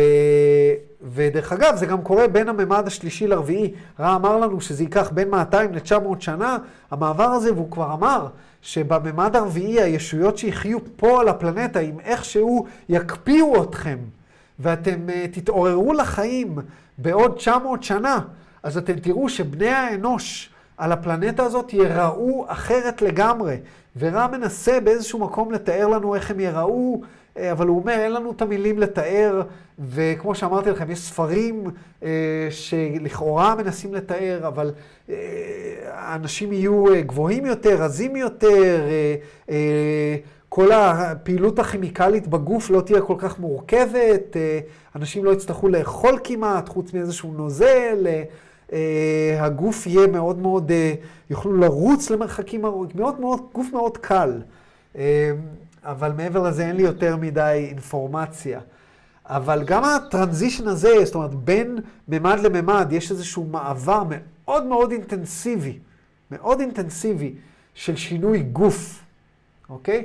ומה שדון שואל פה, הוא אומר, תשמע, אני מכיר uh, את תורת הפיזיקה של בן אדם בשם דוי לארסון, דוי בי לארסון, שכבר uh, דיברנו עליו היום, וזו הפעם הראשונה שהוא מוזכר פה. והוא אומר, דוי לארסון אומר, all motion or vibration, all is motion or vibration, הכל זה תנועה או ויברציה. והוא אומר, האם זה נכון שהוויברציה למעשה משתנה בצורה מאוד מאוד משמעותית בתקופה הזאת בין, זאת אומרת, ממש הוויברציה של האור משתנה בין הממד השני לשלישי ובין הממד השלישי לרביעי, והשוני בוויברציה זה מה שגורם את השוני בגוף. האם זה נכון? ורע עונה, זה נכון. אז אה, דון ככה קופץ על ההזדמנות, הוא אומר, just as a sideline, as a side question here, is the physics of Dewey Larson correct? ופה זה נקודת המפתח, ולמה אני מדגיש את הפיזיקה של דואי לארסון לאלה מכם שאוהבים פיזיקה, אני לא, אה, ורוצים ללמוד אותה. אה, באותה הזדמנות הוא שואל אותו, אז אה, אם כבר אנחנו מדברים על זה, אתה יכול להגיד לי אם הפיזיקה שלו, אם התיאוריה שלו נכונה? ורע עונה, I'm raw, the physics of sound vibrational complex Dewey is a correct system as far as it's able to go. There are those things which are not included in this system. However, those coming after this particular entity, using the basic concept of vibration and the study of vibrational distortions, will begin to understand that which, which you may know as gravity and those things you consider as n dimensions. These things are necessary to be included in a more universal, shall we say, physical theory, ויש לי צמרמורת, כי בעצם מה שרע אומר פה, הוא אומר, הפיזיקה של דואי לארסון, אה, מדען לא מוערך בזמנו, תהיה הפיזיקה, הוא אומר לו קודם כל, כן היא נכונה עד כמה שהיא יכולה להיות, שבמילים של רע זה מחמאה מאוד מאוד גדולה, כי רע תמיד מקפיד להגיד מה נכון ומה לא נכון. אבל הוא בעצם רומז לו פה, שהוא אומר לו בצורה די ברורה, שהפיזיקה של דואי לארסון למעשה תהיה התשתית שבעזרתה נוכל להבין את הרעיון של גרביטציה. אה, וזה, לכן אמרתי לכם, שהבן אדם הזה, האסטרופיזיקאי הזה שאני מכיר, והוא כל הזמן אומר לי, אני לא מבין את גרביטציה בהקשר של הזמן, אה, אה, לא מבין את הגרביטציה בהקשר של הזמן, ואני אומר לו, תקרא את חוק האחד ותלמד את, את, את, את זה של דואי לארסון. שזה, תראו מה הוא אומר פה, הוא אומר את זה בדיוק במילים האלה, אין יותר ברור מזה. However, those coming after this particular entity, אלה שיגיעו בעתיד, using the basic concept of vibration and the study of vibrational distortion, יתחילו להבין that you may know its gravity and those things that you may consider as n dimension. הממדי ה-n למי שמכיר uh, בפיזיקה, בואו נראה למה הוא מתכוון שהוא אומר ממדי ה-n. n refers to the dimension of ambient light space with intrinsic dimension of solid volume and less than uh, in physics. Uh, uh, what does the n dimension means? אה, שיש, בקיצור, שיש הרבה ממדים. תורת הממדים המרובים, אה, נקרא לזה. אז אה, זה חשוב. אז זה חשוב דואי לארסון או לא חשוב דואי לארסון? אה, ולכן אני מדגיש את זה. והנה דון ממשיך ושואל, was this entity uh, Dewey then, did he bring this material through an incarnation for use primarily in fourth density? ורע עונה, this is correct. תראו עד כמה חשוב הפיזיקה של דואי לארסון, הפיזיקה שהוא יביא, תשמש אותנו, את בני האדם, בממד הרביעי. וזה פשוט כואב הלב שאקדמיה לא, לא, לא, לא לומדת את חוק האחד כמו שצריך, כי uh, אני חושב שזה היה מכוון המון המון מדענים uh, לכיוונים מאוד מאוד חשובים. Uh, ו, ואם וכאשר יום אחד uh, היכולות הכלכליות יהיו באפשרותי, אז uh, uh, אני אביא מדענים שיתחילו לבדוק את הדברים האלה, כי אלוהים, אלוהים יודע רק שאני לא הבן אדם. אני, רבים וחכמים ממני צריכים לעשות את הדברים האלה. ממשיך דון. רגע, 29.9. לא, את זה אנחנו לא לומדים עכשיו, זה בסדר, אנחנו חוזרים לסשן מספר 28, השעה 10.23, מצוין. יכול להיות שנעשה את השאלה הזאת ואז, אה, ואז נסיים, תכף נראה. שואל דון, Well, we had yesterday arrived at a point where we were considering colors of light. You said that the nature of the vibratory patterns of your universe is dependent upon, מצטט, upon the configuration placed on the original material or light by the focus of love using its intelligent energy to create a certain pattern of or illusion or densities. כל זה ציטוט. Then after this material, you said that there's further information you would be happy to share, but we ran out of time. Could you complete the further information on that? דרך מאוד מאוד ארוכה להחזיר אותנו לשאלה הקודמת, שרע אמר שיש את הצבעים על מנת שיהיה את האפשרות ליוצר לחוות את עצמו, שיהיה למעשה אינסוף אפשרויות, והוא אמר שיש לו עוד אינפורמציה, אז בואו נראה מהי. I'm Ra. In discussing this information, we then, shall we say, snap back into the particular methods of understanding or seeing that which is the one sound vibration, uh, sound vibration complex Dewey offers. Snap back into the particular methods of understanding or seeing that which is the one sound vibration complex Dewey offers. This being correct for the second meaning of intelligent infinity, the potential which then, which then th- through catalysts forms the kinetic. אני אקרא הכל ואז אני אסביר. This information is a natural progression of inspection of the kinetic shape of, of your environment. You may understand each color or ray as being, as, shall, as we have said, a very specific and accurate a, a, a portion of intelligent energy's representation of intelligent infinity, each ray having been previously inspected in other regards. This information may be of aid here. We speak now non specifically to increase the depth of your conceptualization of the nature of what is. The universe in which you live is a recapitulation in which part of in each part of intelligent infinity.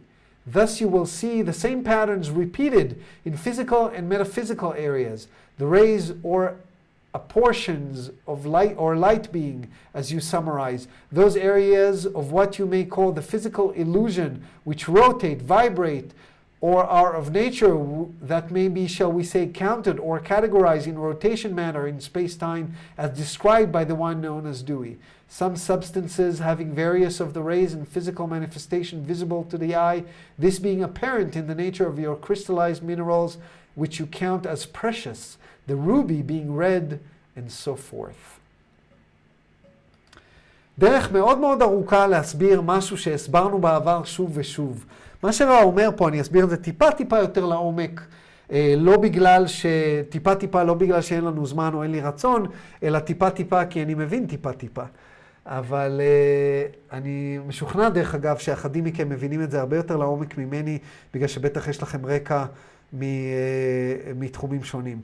אבל בעצם מה שרע אומר פה, אני, אני, כל מה שאני עושה פה, אני בעצם כלי עבורכם לתרגם את האינפורמציה ולתת את הפרספקטיבה אה, שלי לתובנה שלה, אבל אתם אה, יכולים להבין את זה ולקחת את זה הלאה. מכל, for all we know, יש פה מישהו במדינת ישראל שצופה בי ואף פעם לא בא לשידור והצליח כבר לפענח את הנושא של גרביטציה ואיכשהו בנה מכונה שיכולה לרחף. מי יודע?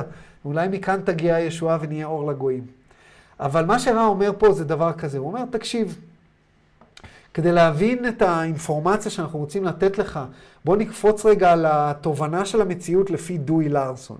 לפי דואי לארסון אמרת שהוא בעצם למעשה מבין, דואי לארסון היה זה שהבין שלמעשה כל המציאות הפיזית שלך, המציאות הקינטית, היא למעשה פוטנציאל שמומש על ידי זרז. יש לנו פוטנציאל אנרגיה, ויש זרז מסוים, הזרז הזה זה למעשה הסביבה שמסביבנו, כל מיני אנרגיות, אהבה וכן הלאה וכן הלאה, שיוצרת את האנרגיה הקינטית. פוטנציאל אנרגיה יוצר אנרגיה קינטית. Intelligent Infinity יוצרת Intelligent Energy. האינפורמציה הזאת, הוא אומר לו, הוא אומר לו היא, היא המשכיות אמ, היא המשכיות. אם, אם תבחן את הסביבה שלך, האינפורמציה הזאת היא נמשכת ולמעשה נמצאת בכל דבר שאתה אי פעם תראה ב-environment שלך. במילים אחרות הוא אומר לו, היקום הוא הולוגרפי. מה הרעיון של הולוגרמה? הולוגרמה זה דבר שחוזר על עצמו שוב ושוב בתוך עצמו. שוב ושוב ושוב ושוב ושוב. דיברנו על זה שכאשר בפילם הולוגרפי שמקרין איזושהי דמות הולוגרפית, אם נחתוך אותו לשניים ונשתמש בו כדי להקרין אה, את אותה דמות, אה, להקרין, אנחנו לא נראה חצי מהדמות, אנחנו נראה בדיוק את אותה הדמות. ואם אנחנו נחתוך אותו לשניים, גם כן את אותה הדמות, ואם נחתוך אותו לשניים, את אותה הדמות, באיזשהו שלב אנחנו נתחיל לראות אה, הבדל באיכות, אבל לא בכמות הדמות. זאת אומרת שבכל סנטימטר רבוע של הפילם ההולוגרפי, יש לנו למעשה את אותה דמות. אותו דבר כאן. הוויברציה הזאת, הספקטרום הזה, החלוקה הזאת ל, ל, לקרניים, לקרני אור מסוימות, חוזרת על עצמה בכל דבר, ופה אנחנו יכולים לקשר את הרעיון הקבליסטי של אהובים היו עליו השביעיות, שהכל בנוי בשביעיות, הכל שבע בתוך שבע בתוך שבע בתוך שבע. ומה שרע אומר פה, הוא אומר, תקשיב, לכל קרן אור, לכל אחד מהצבעים האלה, יש למעשה, שכמובן זה משתקף דרך הקשת בשמיים, לכל אחד מהם יש את התכונות שלה. ובדיוק כמו שבממד שלך, אתה בממד השלישי, אז הממד שלך זה למעשה התכונות של הקרן אור הצהובה. כי יש לנו את הקרן אור האדומה, את הקרן אור הכתומה, יש לנו את הקרן אור הצהובה. לקרן אור הצהובה יש, יש אה, אה, תכונות מסוימות. והתכונות האלה מתבטאות הכי הרבה במציאות הפיזית שאתה מכיר. הגוף הפיזי נקרא Yellow Ray Body. הגוף של הקרן אור הצהובה הוא הגוף הפיזי שאנחנו, שאנחנו מכירים, שאנחנו יודעים. ובעצם הוא אומר, בכל ויברציה מסוימת, בכל אחד מהאור, התנועה, הוויברציה, התנועה הסיבובית, היא באיזושהי אה, אה, קטג, קטגוריה מסוימת ומסתובבת בצורה מסוימת, בצורה כזאת שאנחנו יכולים לראות את זה, לא יכולים לראות את זה, אה, זה נוצר בצורה מסוימת, אה, ואפשר לראות את זה, הוא אומר, אפשר ממש לראות את זה במינרלים, בקריסטלים, the ruby being red and so forth. זאת אומרת, שלמעשה ברובי, איך אומרים רובי? אה, אתם תמיד אומרים לי ואני תמיד שוכח שמישהו יגיד לי, אה, רובי בעברית? אבן אודם? אודם, תודה רבה, הגיוני, אודם. למה אודם אדום? בגלל שאמרנו, מה זה קריסטל? קריסטל זה, זה למעשה אור כלוא, פוטנציאל אור כלוא. לכן ניתן להשתמש בו לרפא, לכן ניתן להשתמש בו להילחם, לכן ניתן להשתמש בו להרוס ולבנות, אה, להשתמש בו על מנת ליצור יש מאין, אוקיי? והרובי, הוא למעשה אומר לנו, הקריסטל הזה, כלואה בו אנרגיה מסוימת מהוויברציה של האנרגיה האדומה. ולכל ויברציה יש את האנרגיה שלה, ולכן כל קריסטל נראה אחרת. אתה יכול ממש לראות את האנרגיה הכלואה בתוך הקריסטל לפי הצבע שלו. ולכן, דרך אגב, היהלום הוא הקריסטל הכי יקר, בגלל ששם האנרגיה הכי מזוככת. היא האנרגיה של כל הצבעים ביחד, שהיא למעשה אה, אה, האנרגיה של האחד, והוא למעשה ה, ה, ה, ה, הקריסטל היקר ביותר. שימו לב שזה מעניין שהקריסטל היקר ביותר הוא גם הקריסטל הנפוץ ביותר על פני כדור הארץ, שהוא מים. מים זה גם קריסטל, זה קריסטל נוזלי. אה, ומים זה באמת דבר יקר. אה, ויש פה איזשהו מסר, אני חושב. אה, מה השעה? השעה עשר וחצי.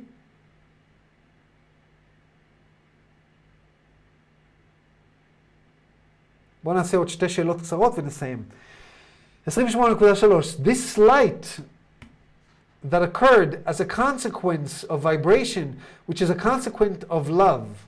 Am I going to, I'm, go, I'm going to ask if that statement is right. Is this correct? שואל אותו, האם ההצהרה הזאת נכונה, שהאור...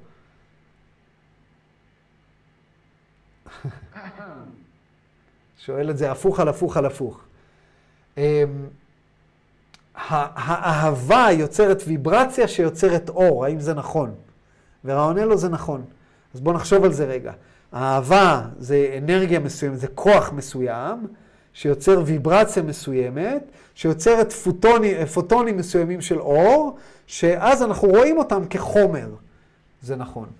ואז דון אומר, אוקיי, this light can condense into material as we know it in our density, into all our chemical elements, because of rotations of the vibrational at quantized intervals or unit of angular velocity. Is this correct? ורע עונה, I'm raw, this is quite correct, קלטת, ירד לך האסימון. ובאיזשהו מקום פה, זה מה שדון, אה, ודון אומר, Thank you, כאילו, זה הייתה הנקודה שהוא ניסה להביע לנו, זה הייתה הנקודה שהוא, ניסה, שהוא אמר שהיא הכי הכי חשובה, בגלל ש...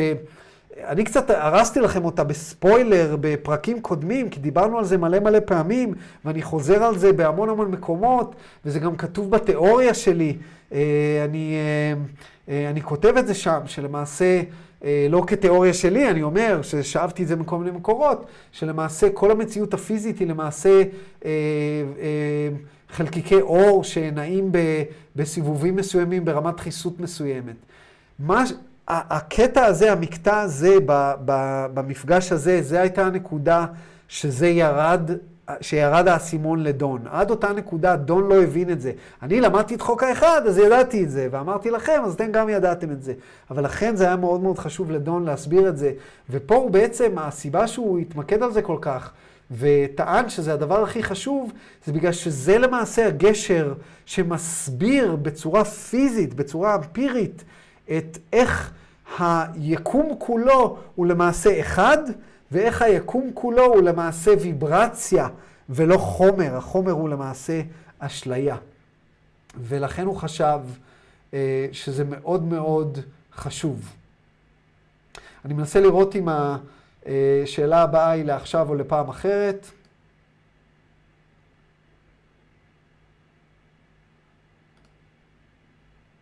בואו נעשה גם את השאלה הזאת, כי היא קשורה לאהבה ולרוטציה של הוויברציה, ובזה נסיים להיום. הוא אומר, Thank you. I'm wondering, what is the catalyst or the activator of the rotation? מה גורם לתנועה, לתנועה הסיבובית? הוא השתמש קודם במושג angular velocity, כאשר משהו מסתובב ברוטציה, יש לו אה, אה, מהירות סיבובית, מהירות זווית. אז הוא אומר, מה, מה גורם לתנועה הזאת? הרי אם כל דבר זז, בתנועה של רוטציה, הכל, הכל בוויברציה. מה גורם לתנועה הזאת? אני לא מבין, הרי צריך להיות איזשהו כוח. What causes the rotation so that the light condenses into our physical or chemical elements? מה גורם לזה? תחשבו, זה כוח שמניע כל דבר בכל עת ובכל זמן. אז הוא מנסה להבין אותו. ופה זה מתחבר לנושא של אהבה, הוא עונה לו, I am Ra. It is necessary to consider the enabling function of the focus known as love. This energy is of ordering nature. It orders in a cumulative way from greater to lesser, so that when the universe, as you may call it, is complete, the manner of development of each detail is inherent in the living light and thus will develop in such and such a way. Your own universe being uh, having been well studied in an empirical fashion by those you call your scientists, and having been understood or visualized, shall we say, with greater accuracy by the understanding or visualization of the one known as Dewey. הוא נותן פה אה, דוגמה מוחשית, הוא נותן פה משל למה שהוא מתכוון. הוא אומר פה, כדי להבין את זה, אתה צריך להבין בעצם את הרעיון של הפוקוס הזה שנקרא אהבה. היקום שלך בנוי למעשה מאיזשהו משהו גדול שנהיה יותר ויותר ויותר ויותר קטן.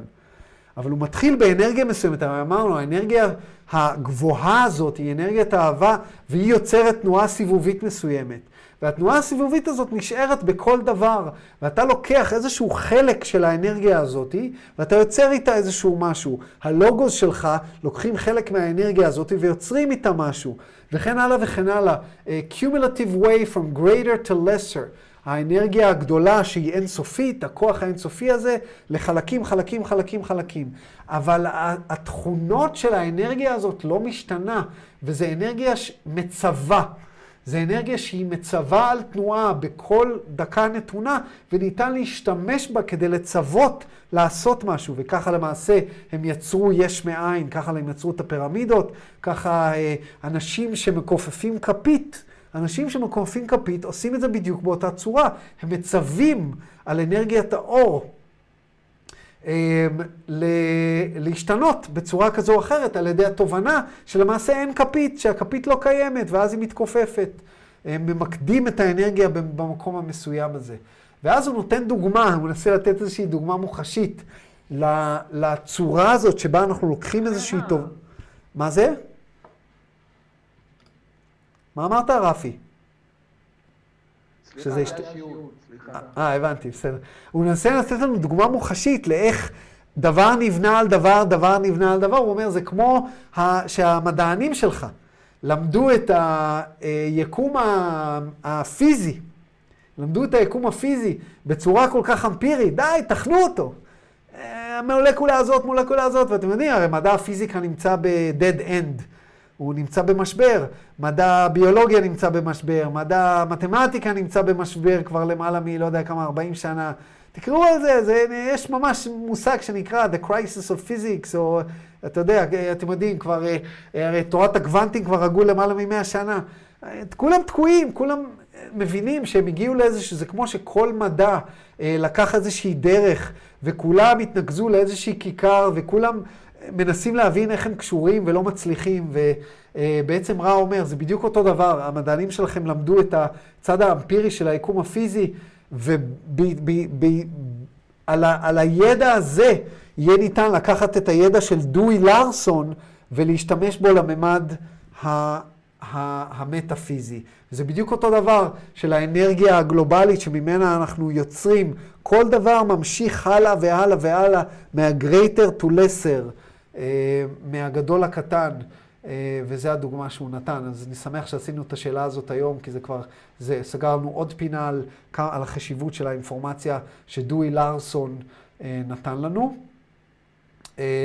ובזה נסיים. זה גם סגרנו את הנושא של אהבה. ובפעם הבאה, אני לא יודע אם זה יהיה שבוע הבא, אנחנו נחליט, אני אחליט כנראה, אה, אם נעשה את אה, אבני הבריאה חלק ד', יש המון המון חלקים לאבני הבריאה, וקשה לי לתת לזה שם ספציפי. מה הייתי קורא לפרק הזה? מה למדנו היום? אה, על, על איך נוצר היקום, או על... זאת אומרת, קשה לי, אז אני קורא לזה אבני הבריאה חלק, חלק ד' ומפרט קצת בתיאור ביוטיובס. אז הפסקנו ב-28.6. אמ, כן, ירדן מזכירה לנו משיר השירים, מים רבים לא יוכלו לכבות את האהבה ונערות לא ישטפוה. אה, משפט יפה שאבי אמר בחתונתי. אמ, וזה נכון, אהבה היא, אהבה היא הכוח החזק ביותר, שאין דבר אה, שעומד ב, בפניו. אוקיי, אה, נהניתם? שאלות? משהו? דברו אליי. זה עדיין מקליט. שאלתי שאלה בצ'אט, תחזור אליה. כן, מי זו? איפה את? למה את לא... אה, הנה רינת, בסדר. אהלן. אני איתך. אז אני אגיד לך את השאלה. אה, אתה מדבר על זה שאנחנו, בני אדם יעברו מהדחיסות, מימד, זה אותו דבר דחיסות ומימד? אני לא שואלת. ממד דחיסות, ממד של דחיסות אור, כן, מהממד השלישי לרביעי. הרביעי. האם בכלל נהיה בני אדם בממד הרביעי הזה? כמו שכשעברנו מהשני לשלישי, אומנם האיידס עדיין קיימים, אבל אנחנו לא האיידס. נכון. אני חושב... כן. אני חושב שזה עניין של הגדרה. אני לא חושב ש... שהישויות שיחיו פה עוד אלף שנה יקראו לעצמם בני אדם. אני לא חושב. אני חושב ש... זה עניין של סמנטיקה, באמת. אבל אנחנו לא, הם לא יראו כמו בני האדם שאנחנו מכירים.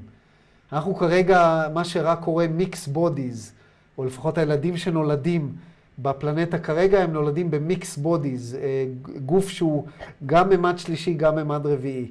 ולאט לאט הם, אה, הם השתנו. אז אה, השאלה, התשובה היא, אני לא יודע. אני חושב שזה עניין של הגדרה. וייתכן, אם ככה, ייתכן שעדיין יהיו בני אדם כמונו, כמו שעדיין יש את ה ace. אני לא חושב, כי ריידס אה, הגדיר בצורה מאוד מאוד ספציפית שבלתי אפשרי שיהיה בני אדם, אה, שיהיה יצורים מהממד השלישי בפלנטה שהיא כבר בממד הרביעי. ויש לזה סיבה, ואני אסביר לך למה. אה, הממד השלישי, ואנחנו נגיע לזה, זה ממש פה בפרקים האלה. בממד השלישי זה הממד היחיד שיש בו את ה-veil of forgetfulness. אמ, יש פה איזשהו מסך שכחה, כאשר אנחנו נולדים, אנחנו נולדים בלי שום אינפורמציה על מה קרה לנו בגלגולים קודמים, גם יש לנו זיכרונות כאלה ואחרים. אנחנו, מה שנקרא, clean slate, אנחנו צריכים לבנות הכל מחדש. וזה כל הרעיון של הממד השלישי, זה ממד מאוד מאוד מיוחד, לכן הוא מאוד מאוד קצר, blink of an eye, כמו שראה אומר, ממד הבחירה. וברגע, בממד הרביעי, אין שכחה. זוכרים את כל הגלגולים, הכל אה, נעשה בטלפתיה, כל אחד יודע מה כולם חושבים, יש הרמוניה. זה כמו, תחשבי על כמו אה, כוורת דבורים או נמלים. זאת אומרת, האינטגרציה עם אחרים היא אחרת לגמרי. ותחשבי על פלנטה כזאת, שבה הכל קורה במקביל, כולם ביחד, אה, והכל בהווה. ויודעים הכל, ואז יש לך אנשים כמונו שמסתובבים, זה, זה, זאת אומרת, זה לא, זה לא עובד. אז התשובה היא אה, לא, וזה, וזה משהו ש, שדי הוגדר בחוק האחד.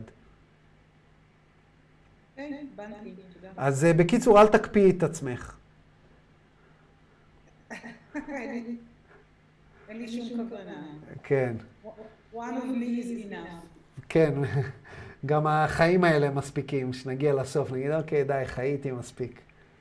אני לממד הזה לא חוזר. אה, שאלות נוספות. יש לי שאלה על הקציר, אני לא יודעת אם זה המקום או הזמן, או... כן, שמחה. אה, הקציר אמרת שהוא היה מ-81 עד 2012. נכון. אז, אז כל מי שנולד ב-81 ואילך הוא בכיתוב חיובי? אמ, אני הייתי אומר שכל מי שנולד אחר כך, כל מי שנולד אחרי 2012. אז מה קרה מ-81 עד 12, נגיד היה קציר, הקציר זה אומר שאנשים מתו? לא, קציר זה אומר שבשנים האלה, זו שאלה טובה. ואני חייב להגיד שאני לא בטוח שאני יודע את התשובה, ודיברתי על זה גם עם ג'ים, כי זה קצת לא ברור. מה בדיוק קרה רק בשנות הקציר? מה קרה לבן אדם שהגיע להערה רק אחרי הקציר? וכן הלאה וכן הלאה. אני, אני לא יודע. אני יכול להגיד לך מה אני משער ומה אני הבנתי. אני הבנתי שכל מי שנולד בזמן הקציר נכלל בקציר, אני חושב שזה היה כתוב בצורה די מפורטת. ש, שימות הקציר, השלושים שנה האלה, כל מי שחי בשלושים שנה האלה, בין אם הוא כבר היה חי קודם, או בין אם הוא נולד במהלך שלושים השנה האלה, הוא חלק מהקציר. דהיינו, יוחלט עבורו, בין אם במהלך שלושים השנה האלה או אחר כך, אם הוא עדיין חי אחריהם, אם הוא עובר לממד הרביעי או לא. זו התובנה שלי. מבינה? עכשיו, כל מי שנולד אחרי הקציר כבר מקוטב חיובית, אבל זה לא אומר שהוא יישאר מקוטב חיובית אם קרמית הוא ילך, הוא, הוא, הוא יתחיל לעשות דברים לא טובים. בוא נניח שהוא, אני יודע, אה, נולד לאיזה, לפוטין נולד בן מחר, ו, והבן הזה אומר, לא, אני אהיה פוטין הבא, כן? אעשה בלאגני.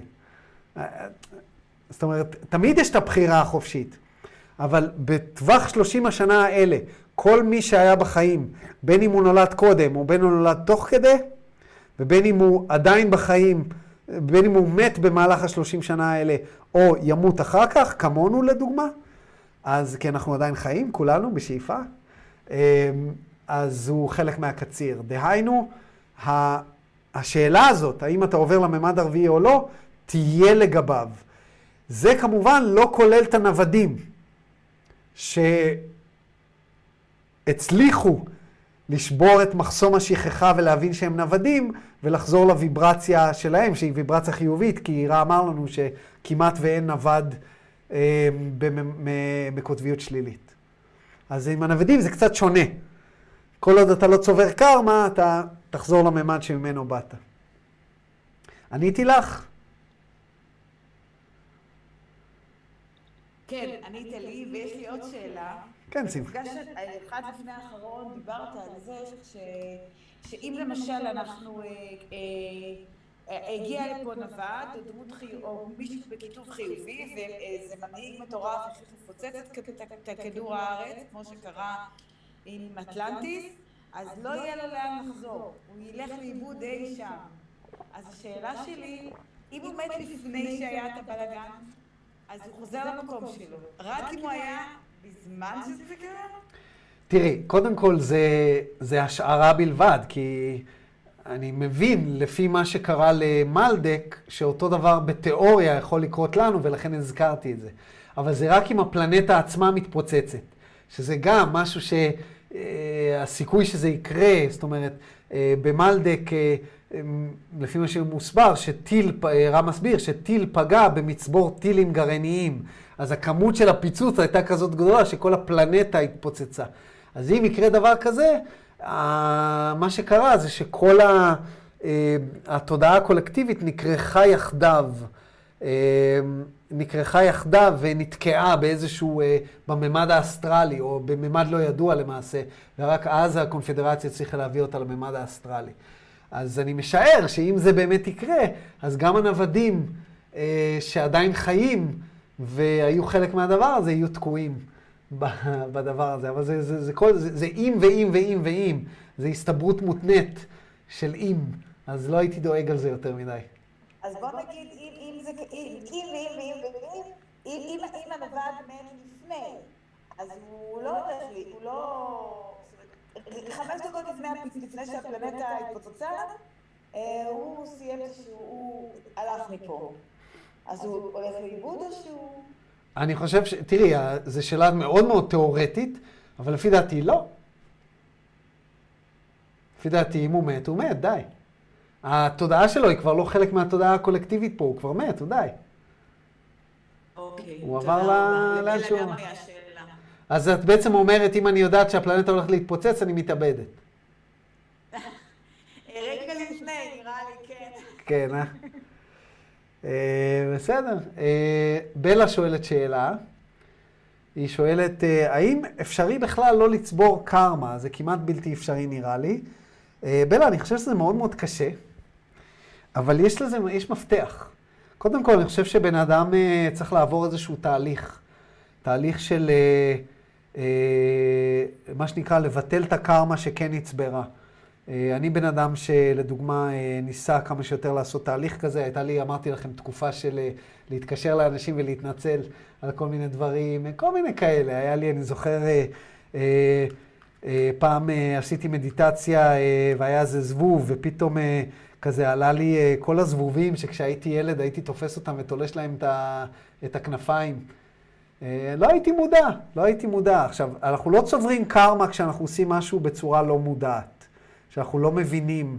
אם בן אדם באמת באמת ובתמים מאמין שהזבוב, שהזבוב לא סובל, אז הוא, הוא כמו ילד, אז הוא לא, זה, אין פה צבירה של קרמה, ורע אמר לנו. הצבירה של קרמה נעשית כאשר אנחנו עושים למישהו משהו ואנחנו מודעים, או שאנחנו מודעים למה שאנחנו עושים, אה, שהוא לא טוב, או שאנחנו מודעים למשהו שעשינו שהיה לא טוב. ובמקרים האלה, הדרך היחידה לבטל את הקרמה זה על ידי לסלוח, לסלוח לעצמנו, אמ, שזה, שזה הדבר היחידי שאנחנו יכולים לעשות, אנחנו לא יכולים להכריח בן אדם לסלוח לנו. ומה שאני ממליץ זה תמיד לכרוך את זה באיזושהי פעולה. זאת אומרת, זה לא מספיק, אה, עשיתי משהו לבן אדם אחר, אני מרגיש רע על זה, אז אה, אני סולח לעצמי. לא, לעשות איזשהו משהו. אה, בנידון, או לומר לו, או לדבר איתו, או לבקש סליחה, לעשות משהו, פעילות מסוימת, או אם הבן אדם כבר לא בחיים, לעשות משהו עבור בן אדם אחר, כי ברגע שעושים את זה דרך פעולה, אז הרעיון הזה של הסליחה משתרש. ותזכרי מה שרע אמר, forgiveness is the eradicator of karma. הסליחה היא המשמידה את הקרמה, היא מבטלת את, ה, את הגלגל הזה של הפעולה, ש... חייב לחזור אליך. זה כמו שאתה זורק אבן למעלה, היא חייבת לרדת למטה. אבל אם אתה משתמש ברעיון הזה של הסליחה, אז, אה, אז היוצר יתפוס אותה כזה, ואז היא לא תיפול. אה, ואני חושב שה... אה, שברגע שמגיעים לאיזשהו מצב שאנחנו מאוד מאוד מודעים לעצמנו, מאוד מודעים למה אנחנו עושים ומה אנחנו לא עושים, אז כאשר אנחנו כן עושים משהו שהוא לא טוב, אז אנחנו מרגישים אותו, אנחנו מרגישים אותו. ו, והרבה יותר קל לנו ללכת אחורה ולומר, אה, ולומר את הסליחה, או, או להתחרט. אנחנו ממש מתחילים להרגיש את זה כמו ויברציה. אנחנו מתחילים להתנהג במציאות ברמה של טוהר מסוימת. אנחנו מתחילים להיות אנשי אמת. אנחנו uh, מקפידים לא לשקר. כאשר אנחנו משקרים, יוצא לנו שקר מהפה, לפעמים ככה אוטומטית, כי אנחנו, לא נעים לנו להודות במשהו, אז אנחנו משקרים. אז אנחנו ממש מרגישים את זה בתור ויברציה מסוימת, בתור איזשהו כזה, אה, כזה. וברגע שאנחנו מגיעים למקום הזה, אז זה הרבה הרבה, הרבה יותר קל לנו לתפוס את המקומות האלה בצורה אינדיבידואלית. ומעבר לזה, אין לנו מה לעשות, בלה. ואני מקווה שכשלפחות באופן אינדיבידואלי אישי, אני משתדל לחיות כאדם כמה שיותר, אה, אה, כמה שיותר אדם אמת, אני מדבר עליי כרגע, וכל פעם שאני אה, מגלה שעשיתי משהו לא בסדר, או פתאום משתקף לי שעשיתי משהו לא בסדר, אז אני משתדל לתקן אותו. ומעבר לזה, כל מה שאני יכול לעשות זה לקוות, וזה בסדר, זה מספיק. זה מספיק. ואני כמובן משתדל כמה שיותר לעשות עבור אחרים, אבל לא לבטל את עצמי. לא לבטל את עצמי. אמ, כי זה גם, כי אני גם חשוב. צריך גם לאהוב את עצמי. אז אה, זו תשובה מאוד מאוד לא מספקת לשאלה מאוד טובה. בסדר?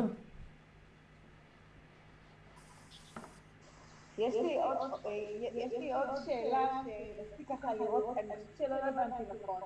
דיברת על מימד, שזה חיסות הפלנטה, ודיברת על קוטביות. אה, אדם יכול להיות במימד גבוה בקוטביות שלילית? בוודאי. כל ממד יש לו את ה... אה, גם שלי... ברגע שאנחנו מגיעים... לממד השלישי הוא ממד הבחירה. בממד הבחירה אנחנו בוחרים את הממ... באיזה דרך אנחנו נלך בממדים הבאים. בממד הרביעי, בממד החמישי ובממד השישי עד חציו. בן אדם שבוחר בדרך השלילית, הוא יהיה בממד הרביעי, החמישי וחצי מהשישי בדרך השלילית.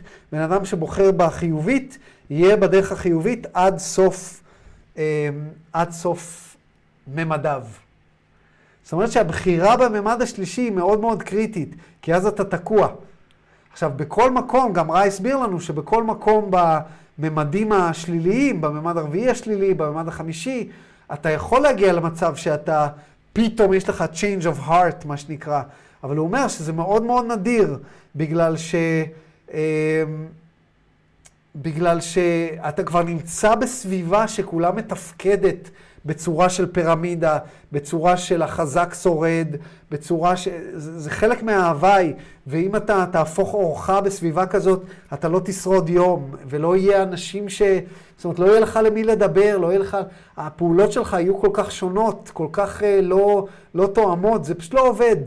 אז אה, אה, לפי מה שאני זוכר שרע הסביר, ברגע שאתה בוחר בממד השלישי, זהו, אתה בוחר ושם אתה... שם אתה תקוע. למעשה, ה, ה, דיברתי באחד השיעורים על זה שאני כותב אה, אה, בהתחלה, בהתחלה של כתיבה של אה, ספר שהוא אה, אה, ספר אה, של אה, sci-fi, איך זה נקרא? אה, אה, מדע בדיוני. אה, שאני לפעמים מרגיש ממש שזה, שזה מההיסטוריה של הגלגולים הקודמים שלי. אה, ובספר הזה באמת, יש איזושהי, זה נמצא באיזשהו חלק של הגלקסיה, שבה יש שני פלנטות, אחת מקוטבת חיובית ואחת מקוטבת שלילית, והפלנטה שמקוטבת חיובית, כל, אה, שלילית, כל הזמן מנסה לכבוש את הפלנטה שמקוטבת אה, חיובית.